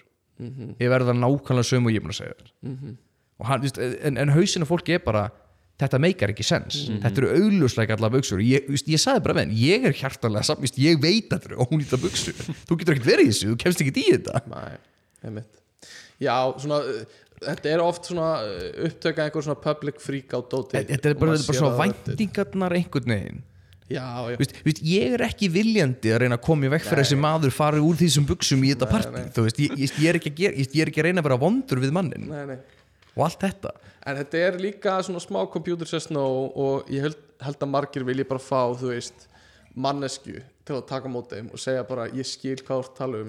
Ég veit það, geri- en, en, en, en sumt fólk er bara orðið svo reitt að það er ekki nennir ekki eins og að fá mannesku sem er, þykir, þykir þetta leitt og allt þetta en ég bara, það hefur ekki tökinn af því að geta neitt í Þetta er líka bara parturinn að því hvað búðir eru orðnar corporate og, og orðnar miklu svona entities og ekki svona þessar persónulegu kaupmaðurinn á hotninu típur sko. Um, og þú veist já það er bara mikil þróun í alls konar svona örgli eins og þú veist ka- kaupmenning er komin svo asnalegast eins og með Black Friday bara, bara örtraðinar sko, Black. Friday finnst mér svona smá make a sense, Cyber Monday er eitthvað sem ég er bara svona, já, já Af hverju finnst þér Black Friday mega sens? mér finnst Black Friday, bara allavega fyrir mér mér líður eins og Black Friday sé eitthvað sem ég hef heyrt um og séð konseptið er alltaf lægi en hvernig fólk missir sig finnst ég, mér ég, ég fáránlegt. sammála því, það er bullið en, en mér finnst Black Friday vera miklu meira svona monumental svona fla, margir vita og hvernig þú veist Black Friday, Mm. það er svona koncept Cyber Monday er bara svona eitthvað sem ég líður sem einhverja bara búið til að því hann gata Já, en núna er þetta líka bara Black Ég Friday með single vika stay er það þannig líka ég, ég treystu mér, ég þóla ekki hvað koncept eitthvað Mm. Ah, 11. í november af því 1111 allir single komið að kaupi vörur fyrir Ég 11% sakna- afslátt, þú veist Já, ég sakna svolítið heimilislegu búðana og hérna eins og að fara í, í bí, hérna uh, hvað heitir það, bíólega eða bara svona Vídeolega? vídeolega og hérna og þú veist Bónusvídeó. bónusvídeó og, og skoða og tala við starfsmann og fá álit. Í, í gamla daga þá var alltaf svona veggur það sem var nöfnin á starfsfólkinu í, í vídeolegunni og þau áttu svona að velja svona keitora og velja pikk fyrir svona best, þú veist, Óli Gurra og svo What Magnús. the fuck er þú að tala um? Nei, þetta var svona og svo þú veist var Óli sem vann hana valdi allar uppáhaldsmyndinu sínar og setta veggin Ah, þannig að fólk, þú veist, kannski lærði að það var með svipaðan smekk og Óli og þá það var, svo sniðut og þá gata komið og svo hugsa já ok, Óli Hvað var Óla að horfa á? já, Óla finnst þessi skemmtileg. Kannski horfa á Chariots of Fire eða eitthvað svona. Mm. Og, og þannig að þetta var svona uppi í gamla daga. Það er satt alveg sniðut mér finnst þetta svolítið sniðut sko, og, og skemmtilegt. Ég var að pæla. Um, ég þarf að fara að uh, skeina mér. Mm. ég er búin að vera með kúk í buksunum núna í Mhm. alla upptökunar Erstu búin að ulla? Ég er búin að ulla og Bleh. held ég væri safe en var það ekki. ég Komið ætla frá fram hjá Googsbrunn já, já, kom smá fram í kúkspörum en ég Hulungu ætla, dags og special. Já, en, en ég ætla að skella mér og Ok. hérna uh, og kem bara þegar ég er búin að skeina mér. Og hérna uh, þið spjalli bara um þú veist uh, volmark eða eitthvað á meðan. Ég stík ekki alltaf með listan sko, það er náttúrulega til aðrið sko. Ok, Ég tek bara, tek eitt viðbútt Sko, þetta ætti að vera basic fyrst mér Stærðirnar á vörum Þetta er á meðanum almennt, yfirleitt frekar stór miði á vörunum, right? Mhm. Og ef þú ert ekki að finna miðan Heyrðu, uh, Já, Það var Það var verið að banka ekki máli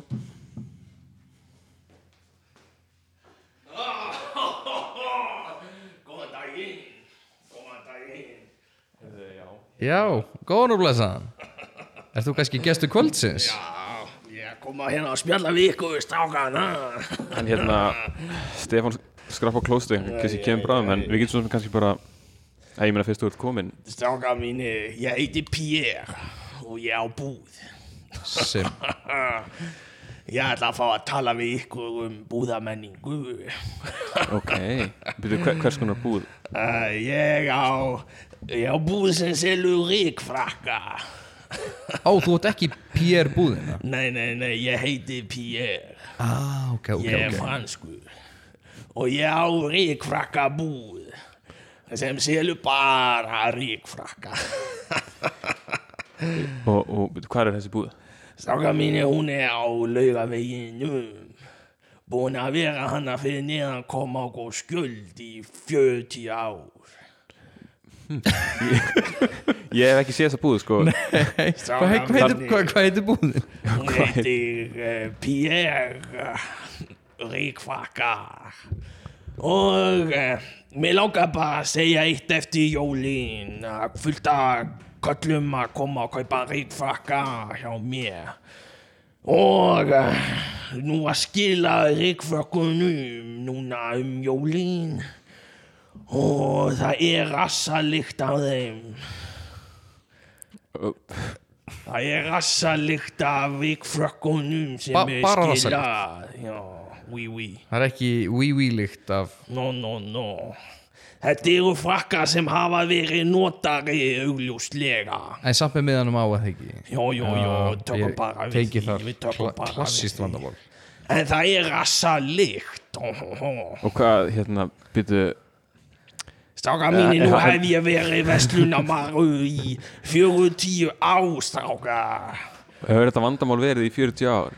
Það er svo allir koma og noti ríkfrakka bara á bossanum, strákar.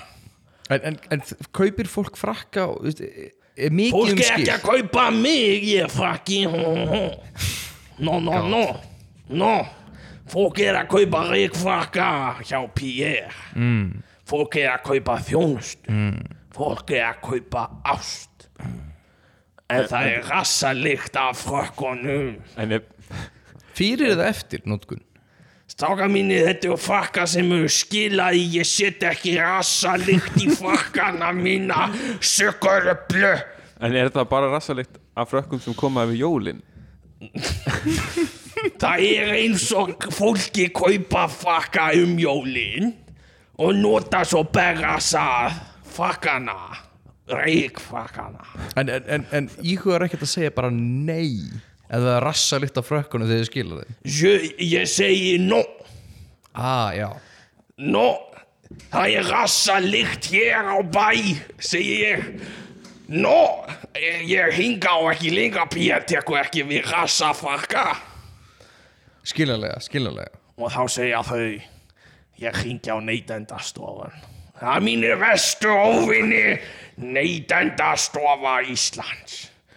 Ég og hún höfum elda krátt silfu í marga áratugji Út af þessu rassavandamáli. Þau trúa ekki á rassaliktinni ég segi hér er rassalikt á frakkinu minn. Og íti nefið á heim og segi nú sniffa þú ríkfrakka með rassalikt frá Pierre og þau segja hér er engin lykt. Og ég segi fólk er um allan bæ berrasað í ríkfrakka frá Pierre fólk er í grafavogi í ríkfrakka frá veitu, getur þú getur líst þessari rassalikt? Þetta er eins og þú taka ríkfakkan frá Pierre og skeina þér með ríkfakka. Og heldur það sé vegna þess að fólk er berrasað í ríkfrakkanum? Pierre veit, Pierre hefur séð fólk það standa allsbært út á götu í ríkfakka frá Pierre og bara, bara opna ríkfakkan, Það opnar rík berra það út á götu. En er það, ef það er rassalikt aftan er engin lykt að framann No, no, no, þeir eru perratnir, stáka. Já. Þeir kaupa ríkflakkana frá Pierre. Ekki svona pjæratnir No, no, no. Mon paka compétent. Non. Je m'appelle Pierre, not Perre. no, no, no. Eh, en moment, piltar. Nú, eh, en Pierre sjá perrana kaupa ríkflakka. Mm. Mm. Halda voða gaman. og ég, ég opna ríkfrakkana út í smáralind og ríkfrakka og, og, og ætla svo skila til Pér no, no, no mon kapitan En, en, en gæti, gæti þetta verið að því að reykfrakkar eru síðarflíkur að fólk sé bara að fara á klósettið í frökkunum og þá kemur smá svona rassalikt Í ríkfakka heiminum er þetta þekkt vandamál. Allir ríkfakka sem perra nota hafa rassalikt. En ég skil ekki af hverju þeir eru að skila þeim Þeir vilja fá nýjasta módeli. Þannig að þeir kaupa frakka af því að, fyrir af því að jól. reykfrakkar alltaf eru búin að þróast mjög mikið í gegnum, gegnum aldirna Það er nýjasta sniði en, en, Ok, þeir kaupa reykfrakka fyrir jól. Úi. Ok. Segjum bara 20. desember Kannski. Ó, Eða fyrr eða? Ná, perrarnir eru með litlu jól og kaupa fyrir hina perrana. Ok. Og gefa hinum perrunum. Ok, en, en, og hittast allir í smáralind og skiptast á og frökkum skiptast á frökkum. Og kalla það perrajól Ok, ok, þannig að þeir Allir kaupa reykfrakka. Úi, Hittast í smáralín Úi. Skiptast á frökkum. Úi, Klæðast þeim úi, Berrast að þeir úi Og skila þeim svo Rassa lyktin og skila þeim svo Og Pierre. Það er ég. Je, Pierre uh, Koma hinga og segja við alla perrana hana úti. Ég er ekki taka þátt í þessum um kapitán No, no, no Þið verða að kaupa nærbuksu líka. Þar þú selur líka nærbuksur til að stuðla við þjónustu? Úi, ríkfaka nærbuksu Úr eins efni Er það líka beislitaður úr, regnemni? Og er, er það með það belti? Úi, það eru bara litli ríkfakar sem fara bara um mitti og svo geta bundi saman ríkfaka nærbuksu mm. Ég nota þetta á hverjum degi. Ein spurning. Úi, Bara ein. Ertu viss? Ég hef bara eina spurningu. Úi Færðu mikið af börnum sem koma tvö og tvö saman Oui, oui, oui, það er Þrjú næst jafnvel. stærsti okkar markhópur. Vi, við seljum líka yfirvaraskekk og gleraugu Ok, ok, ok og við, við, við tökum fram þetta er extra large eða þrjú börn. og maður eins og þú, minn kapitán, þú ert tvö börn að starf. Ok, ok Það er gott að vita það ef ég kem Var það þegar þið voru að fara hérna Var, var meiri sala hjá börnunum í kringum eldgósi? Oui, oui, oui. Skaupið var með atriðum okkur. það var frábært. Varst varst að sponsa? Varst að sponsa? Var frábært. þetta þið fræki? Pierre sponsa Að skaupið. sjálfsögðu Og ég skal segja að ég er búinn að vera að fara í alla búðir og segja þeim að breyta úr medium og large kerfinu í barnakerfi mitt. og ég koma með túspenna og fara í FOF í Hagkaup. Og ég hóta bara yfir alla stæðina og skrifa þetta eru tvö börn. Þetta eru þrjú börn. En er það ekki alltaf stórar einingar? Svo er bara nú koma eitt barn Og ég segi Ég segi að við Ég segi við starfsfólki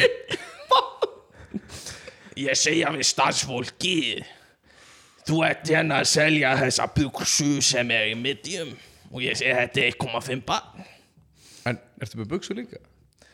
Já, ég er að fá þetta kerfi í alla búði Já, já, já, já, já. Ok, en, en Pér Hérna Ég held ég, þarf að fá eitt og reynd Það er ekki rassalikt að bugg frökkunum sem börnin skila. No. No Ok, gott. No, það er en, engin perrabörn. Nei, mon kapitan. Það er þegar þú verður 35 ára. Þá færðu val. Annarkvort verður þú perri eða þú verður ekki perri. Ok. Ert þú, hvað ert þú gammal, Pér? ég er 36 ára. 36 ára í dag. Og hvað valdir þú? Ég er ekki perri Ég er ekki 36 ára. Ég er tvísvar sinnið 36 ára. Ég er 82 ára. En ég telja allt í 36 árum. Mm, veitu, minn er ekki 72 Jó, oui, oui, oui, oui Oui, oui, oui, oui Og, oui ok Já. Stráka mínu, ég ætla að bjóða ykkur öllum að koma og skoða skila vörurna mína og fá afslátt. Hvað hvað er rassa af sláttur? Nå, det er en för en rast. eh, Við eh, viljum, við, við viljum ekki danskar auðlýsingar un, eh, un ras som är en um se- sex kronor. oui. Så þú getur fengið afslátt hjá Pér en þú þarft að sína fram á hversu margir rassa hafa verið í frakkan. Þar viðskipta að vera að sína fram á Já. það Í fokkar gerum við það Rassalikt er stórt vandamál og ég vildi bara segja þetta. Ég vil segja við alla pervertana hana úti. Hætta að vera berrassaði í reikfokkum frá Pér. En ertu með því að segja það Ertu þá ekki að tapa þínu stærsta viðskipta hópi Viðskipta vinna hópi Nó, ég ætla að koma sterkur inn á barnamarkaðin. Hér inn í frá er bara barn að kaupa Pér reikfokka. Ok, ok Er hérna Sigrun Sigrunsson var með svona karakter Oui. sem var alltaf í reikfraka Er það kannski frá þér? Sigurjón Kjartansson. Nei, Sigrun Sigrunsson Á með, karakter, já, með karakter í, í, í spaukstofunni. Já, sem var alltaf í reikfraka Ah, Kristján heiti ég Ólafsson Já, minn helsti já, viðskipta Sjálfsögðu, er hann ekki frá þér? Ó, oui, oui, oui, hann gengur í flottum rassafrakka frá Pierre Brassafraka, ekki bara fraka. Nó, nó, nó, nó, þú myndir ekki trúa rassalyktinni sem er á frakkanum hans. Hvað eru margir rassar búin að vera í þeim frakka? Það er minn besti rassafrakki. Það er 35 rassa komið í þann frakka. En byrjuðu þannig að í því tilfelli Oui. eru því fleiri rassar því verðmætt Það eru Nó, frakki þú ert að leika Ó, mikið. Nó, nó, nó. Uh, Rassar eiga ekki heima í ríkfrakka Nema hjá Sigga Sigur Jóns í sínu ríkfrakka Rassaflakka. Þá erum við Ok. að safna rassum Allir okkar stærstu rassa hafa verið í þessum frakka ok, ok. Allt frá Daví Oddsson upp í Magnús Skevin Já, hvað ert þú búin að vera lengi í þessum business? Á Íslandi? 40 ár. Áratugi, 40. 40 ár. Þess vegna gæti ég ekki verið 36 ára. Það myndi bara ekki ganga upp stráka Nó, nó, nó Nei. En nú er ég gammal kall og það var fast nefn að sofa Svo ég segja bara að á vídese Ekki, ekki, ekki au Bonjour, revoir. au revoir, bonsoir Mon capitaine, bonsoir. Það var bara einstaklega gaman að fá því viðtal. Oui. Mjög leðilegt að Stefán skildi ekki Ó, í, hann er með allra besta rassinn í bransanum. Glad verslar hann hjá þér? Hann kom á hverjum degi og kaupa. Hann koma bara til að sniffa ríkvakkara Veistu þetta að make a small sense Ég múti það verið Stefán Já, er algjör Já. Rassa, rassa, sniffari Rassa þeir Takk fyrir mig og gaman að sjá ykkur Já, bara hérna Hó, hó, hó. Takk sumleis, þú ratar út. Oui, oui, oui, bonjour, bonjour. Já, bara au revoir, Pierre. Heyrðu. Já, ok. Já Ok. Einmitt. Einmitt. Ég veit ekki hvað ég á að segja. Bara einmitt. Hvað segir ég? Ertu búin að skýta? Ég náði að skina mér. Kekjað Ok. Hvernig var? Ég leðilegt að missa á honum. Já, Við eigum hann jákvæmdi hafði margt sambandi gott að segja sko. Já. Þið þekkist vel. Já, svona þokkulega Kíkist undir mán Heyrðu um, uh, Sko, þátturinn er orðið svolítið langur. Þannig að hérna Við ættum nú kannski fara bara að slá botnum í þetta bráðum. Um, en hérna kannski við getum rætt í lokin bara hérna hver er svona framtíð búða á Íslandi? Mm. eru starfsmannalösa búðir málið í framtíðinni? Fyrir eftir típu væntanlega. Er það? já. Getur ekki fengið allt sem þú færð annar staðar með tækninni bara? Njá, eða, ég held að ok, hversu langt fram í tíman eftir að horfa en þú veist í sumum verslunum þarftu bara að sér það þjónustu. uh, já, eins og hvað? Göngugrein. Bara einhver svona sérhæfum verslunum ég veit það ekki, í Bíkó eða eitthvað. Já, þú veist, kannski. þú, ok, kannski er eitthvað vélmenni sem að geti Mhm. þú veist, að, aðstofa þig að velja réttu skrúðnar eða eitthvað, en gæti verið, sko ég sé alveg fram á þetta, sérstaklega í matveruverslunum þetta er náttúrulega til. Já, og mér finnst það frábært og ég verði til að sjá það meira sko. bara fleiri minni búðir í öll hverfi sem eru starfsmannalausar. Og ég held ég hafi talað um þetta áður. Mér finnst bara mér finnst það bara mega sens og þetta er bara svona byrðar geimsla fyrir hverfin mm. í mínum huga. Uh, það sem þú lappa bara inn og tekur það svo þarft og svo ertu rukkað að sena. Um, kannski VR dóta eitthvað í framtíðinni. Getur farið að vesla í sagt, já, og þú veist, Það- þú bara tjekka út og farið að senda eða eitthvað. Ég var ekki veitu er ekki meta búin að ki- eða svona, hafa verið með einhverja auglýsingu. Já. þar sem að þú setur á því einhver svona VR gleru og þú getur bara svona labbað í gegnum búð. Jú, eitthvað svo leiðis en eða, þú veist, Sko, er, ég held að draumur sé, ég man ekki hvað þetta myndin ekki fuck, hvað er hún?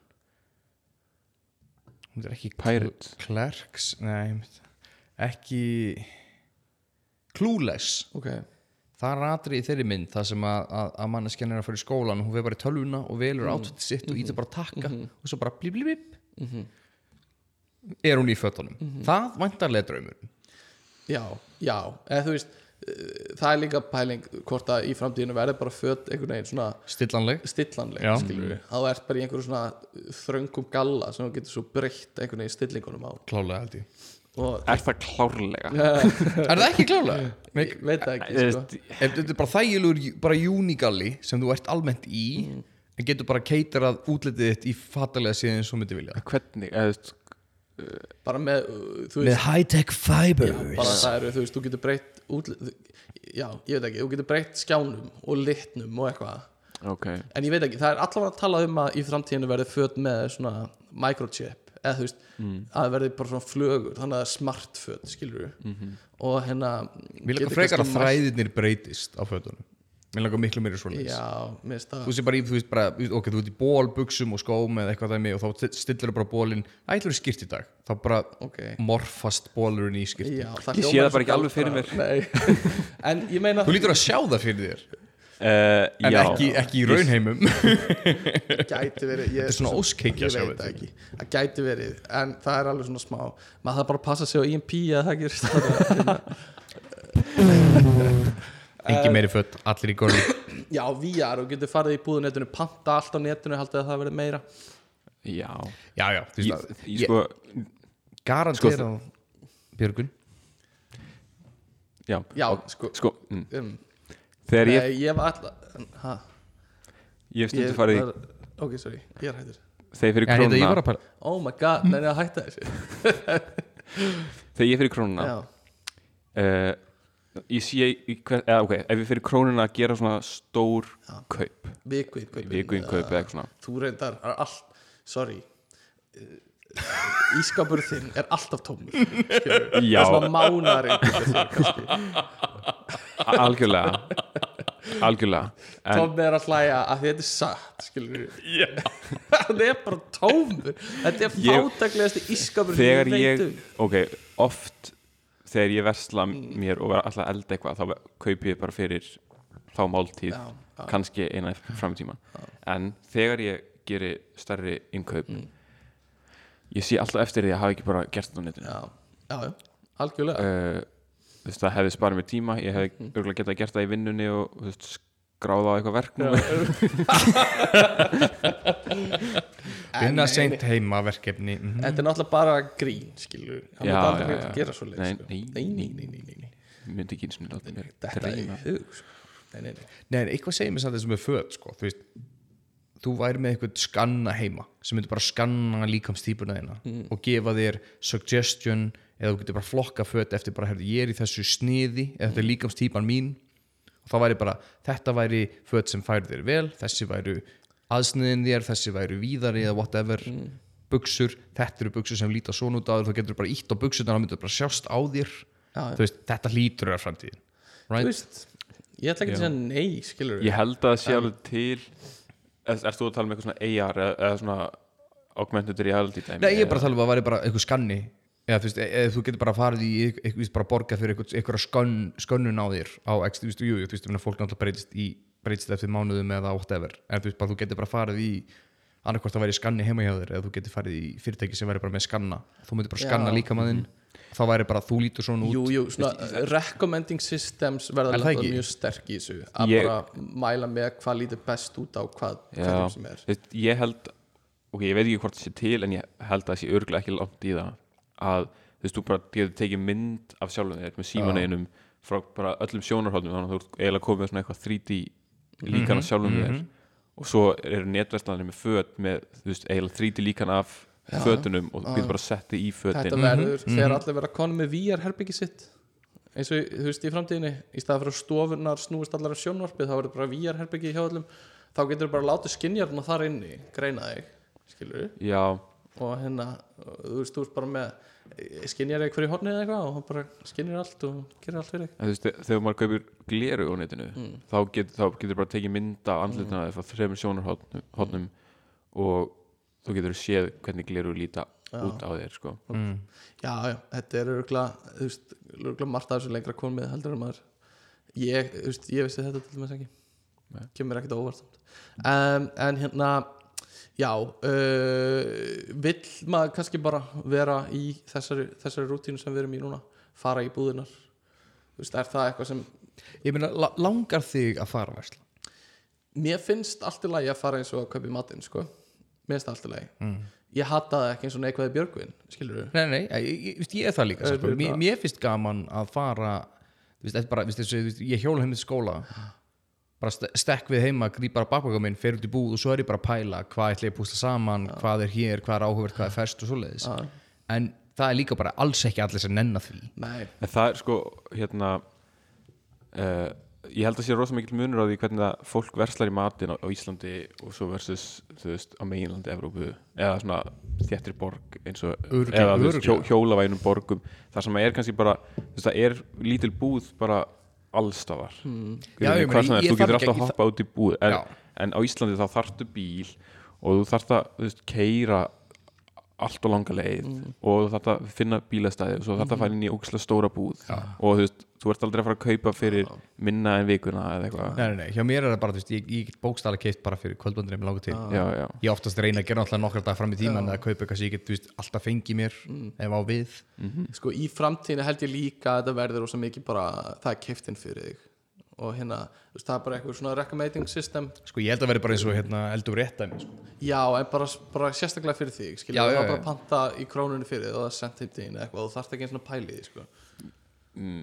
Jú, líst Þú- ekki á það. það er Ég ekkert mál Ég Björgvin, að læra inn á hvað þú kaupir lítið en hvað þú kaupir reglulega og bara giska á hvað þú þarft á hverju sinni og svo jafnvel hægt að hafa hillunar þannig að þú sér hvað er að verða búið og ekki. Já, þú veist, ég veit það, en ég er að meina ok, ég, ég hérna, get alveg ímynda mér að eitthvað hérna hérna uh, einhver AI viti veist, hvað, hvað mér vantar af einhverju svona nöðsynjavörum en þú veist, svo eru einhverju vörur sem að þú ætlar að prófa eitthvað, elda eitthvað nýtt eitthvað, veist, þá er það að bara mælt með fyrir þig sko. ég er að segja það. Og þú veist þá bara þú ert kannski í áskrift, eða ekki eins og áskrift bara þú segir ég ætla að elda fjóru sinnum í viku þá er bara valin einhver réttur fyrir þú keift inn fyrir en, en, og þú er- myndir ekki eins og samþykja það? Nei, það er bara, það er valið það en sem hendar þér er of mikið mál ef þú getur gert allt þetta gegnum netið að lappa gegnum eldhúsið sitt í tíu mínútur á sundarskvöldi og plana bara vikuna. Þú veist, væri það, bara of mikið mál? þú veist það er bara í staðan fyrir að fara að vesla einhvern tímann í vikunni þá tækir þú bara tíu mínútur rúnt á sundarskvöldi bara opnar ískapinn, tjekka hvað er til haka bara eitthvað app Já. bara já, við vantar ost, vantar mjólk, vantar eitthvað x dæmi, bla bla og svo bara þú veist á mánudinum kæmi þetta á þú mánudinum ert að tala um krónuappið bara. Basically. Já, en ég meina, þú veist, ak ak akkur þurft að vera AI sem ákveður fyrir því hvað ég þig er, að tala bara, skilurðu? ég er að tala um að nota AI eða eitthvað svo leiðis til að þú veist giska á þínar langanir skilur Jú, jú. og, og þú veist þú ert búin að kannski gefa því upp hvað þú vilt hvernig matræði þú vilt borða. Og það bara ákveð fyrir því hvað er best og hvað hendar þér að elda og þinn er svona elda getu og kaupir í, í það fyrir þig og sendir upp á dýrum og það sem vantar heima og það sem kaupir reglulega skilur og vilt alltaf vega til. Já, ég get alveg vel séð fyrir mér svona kerfi en samt ekki eða ekki fyrir mig Nei, nei, þar sem að þú, þar sem ég er ekki búin að samþykja ég þarf kannski ekki að samþykja þú veist, tvo lítra mjólk og ostinn og smjörið og eitthvað svona. En ég, ég get alveg séð fyrir mér að, að það sé hérna, mælt með einhverju uppskrift mögulega einhver gerfugrein sem lærir inn á mig. Já, og ég, ég, ég myndi mér að þetta verði en ég myndi alltaf samþykja eitthvað svona, ok, ég vil fá en, en þá fengir þú bara meldi ekki síman sem væri bara, hei, tekka masala kjúlingur í kvöld. Og þú væri bara, njá, víst ekki Já, á það, skip, skilur það væri kannski byrjun. En Já. svo held ég að fólk myndi eftir því sem líður á þetta þú veist, þá sér það bara, það er eiginlega alltaf að samþykja og þegar heldur að það sé að hérna, velja eitthvað vond en svo kemur í ljósa að það er gott skilur þá fer það svona að hugsa að kannski á ég bara að leifa gerfa grindan að sjá um þetta fyrir mig alveg ég treyst henni bara. Og þá fer það kannski vondan mat einu sinni á 20 máltíða fresti eða eitthvað.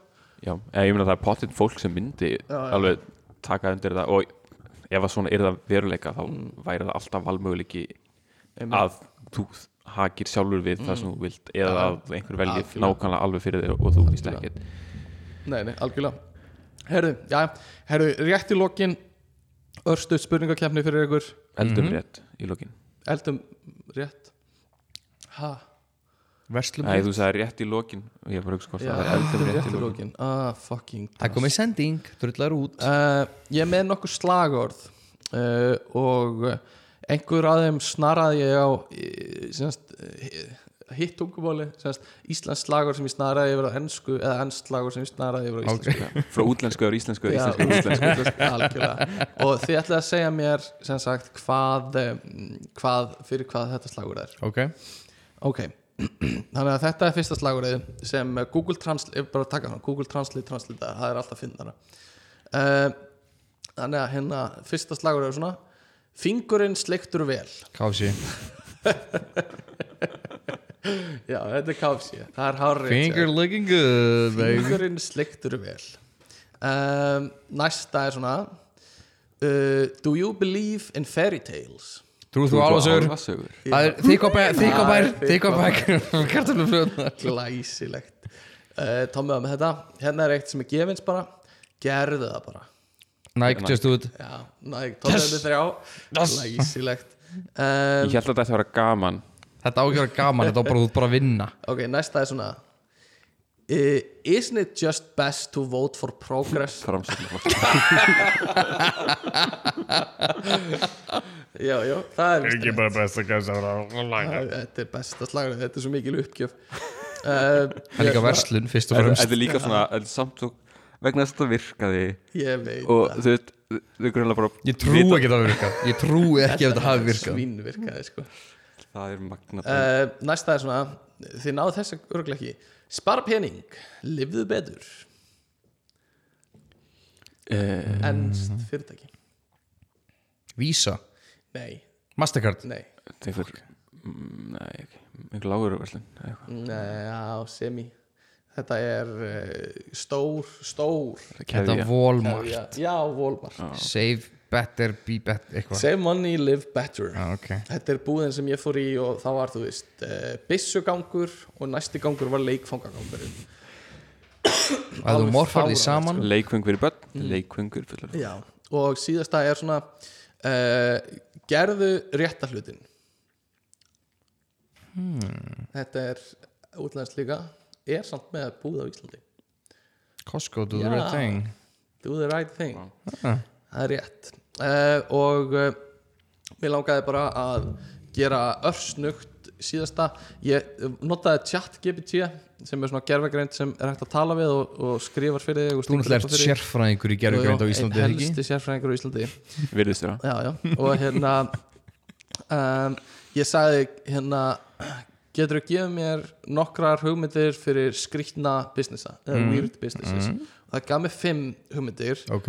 og uh, ég ætlaði að fá ykkur fyrir eitt af þessu Mhm. til að hérna búið til slagorð. Mhm. og svo ætla ég að skrifa þessi tvö slagorð inn í chat GPT og spyrja hvort er betra. Ok, ok, bara eitt. Já.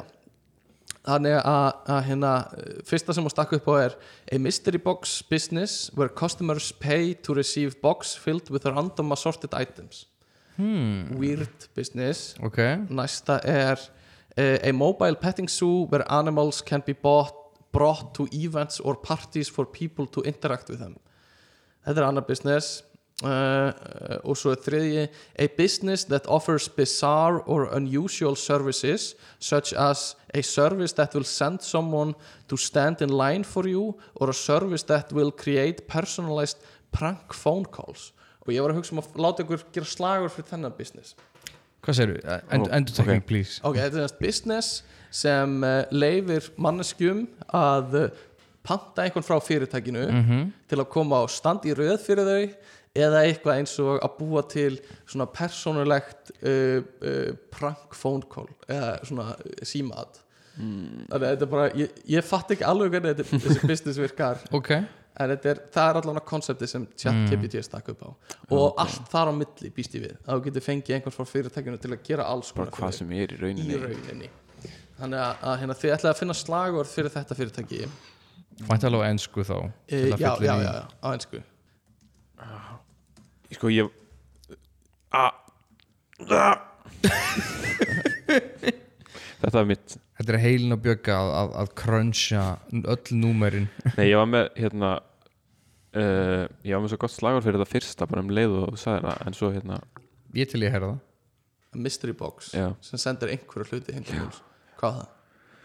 uh, það var do you like junk? Buy our trunk. Hmm? Okay. ok, Mí- mín hugmynd fyrir það var solve your own mystery. Ok ok ok ef ég gætu líka að rauna það í gegnum algoritman eða þú vilt. Uh, ok, það prófa tíma. það, prófa en það. ég, ég, ég er alltaf með reddi fyrir hitt sko. Uh, þú sagðir do you like junk? Buy our trunk kannski ekki mikið svona slagur en jú samt, en og hvað var þitt Tommy? uh, solve your own mystery. Ok, þannig að ég ætla að setja þetta í gang mm Mhm. hvað hann segir Both of these slogans could work for a business that might sell mystery boxes, but solve your own mystery might be a stronger choice because it directly speaks to the idea of the mystery box and invites customers to participate in the experience of discovering what's inside. Do you like junk by our trunk could be interpreted as a in a variety of ways and may not effectively convey the concept of your business segir ChatGPT got your ass mjög boy. ósamála einstaklega ósamála okay. komið með hérna fyrir uh, fyrirtæki sem gerir hvað sem er. Ég held að það veri, já. Don't want to do it, let us do it. Ok, ja, let, let us do it for you. Það var það sem ég ætla að segja gaman að fá skoðun frá tölvu. Tölvan er bara, mm, já okkur finnst að þetta sé betra.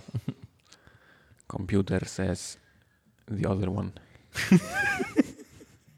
Oh my god, eins og línan í þættinu ok, Byggi, hvað segir þú? uh, ég segi we serve people with Ok. people.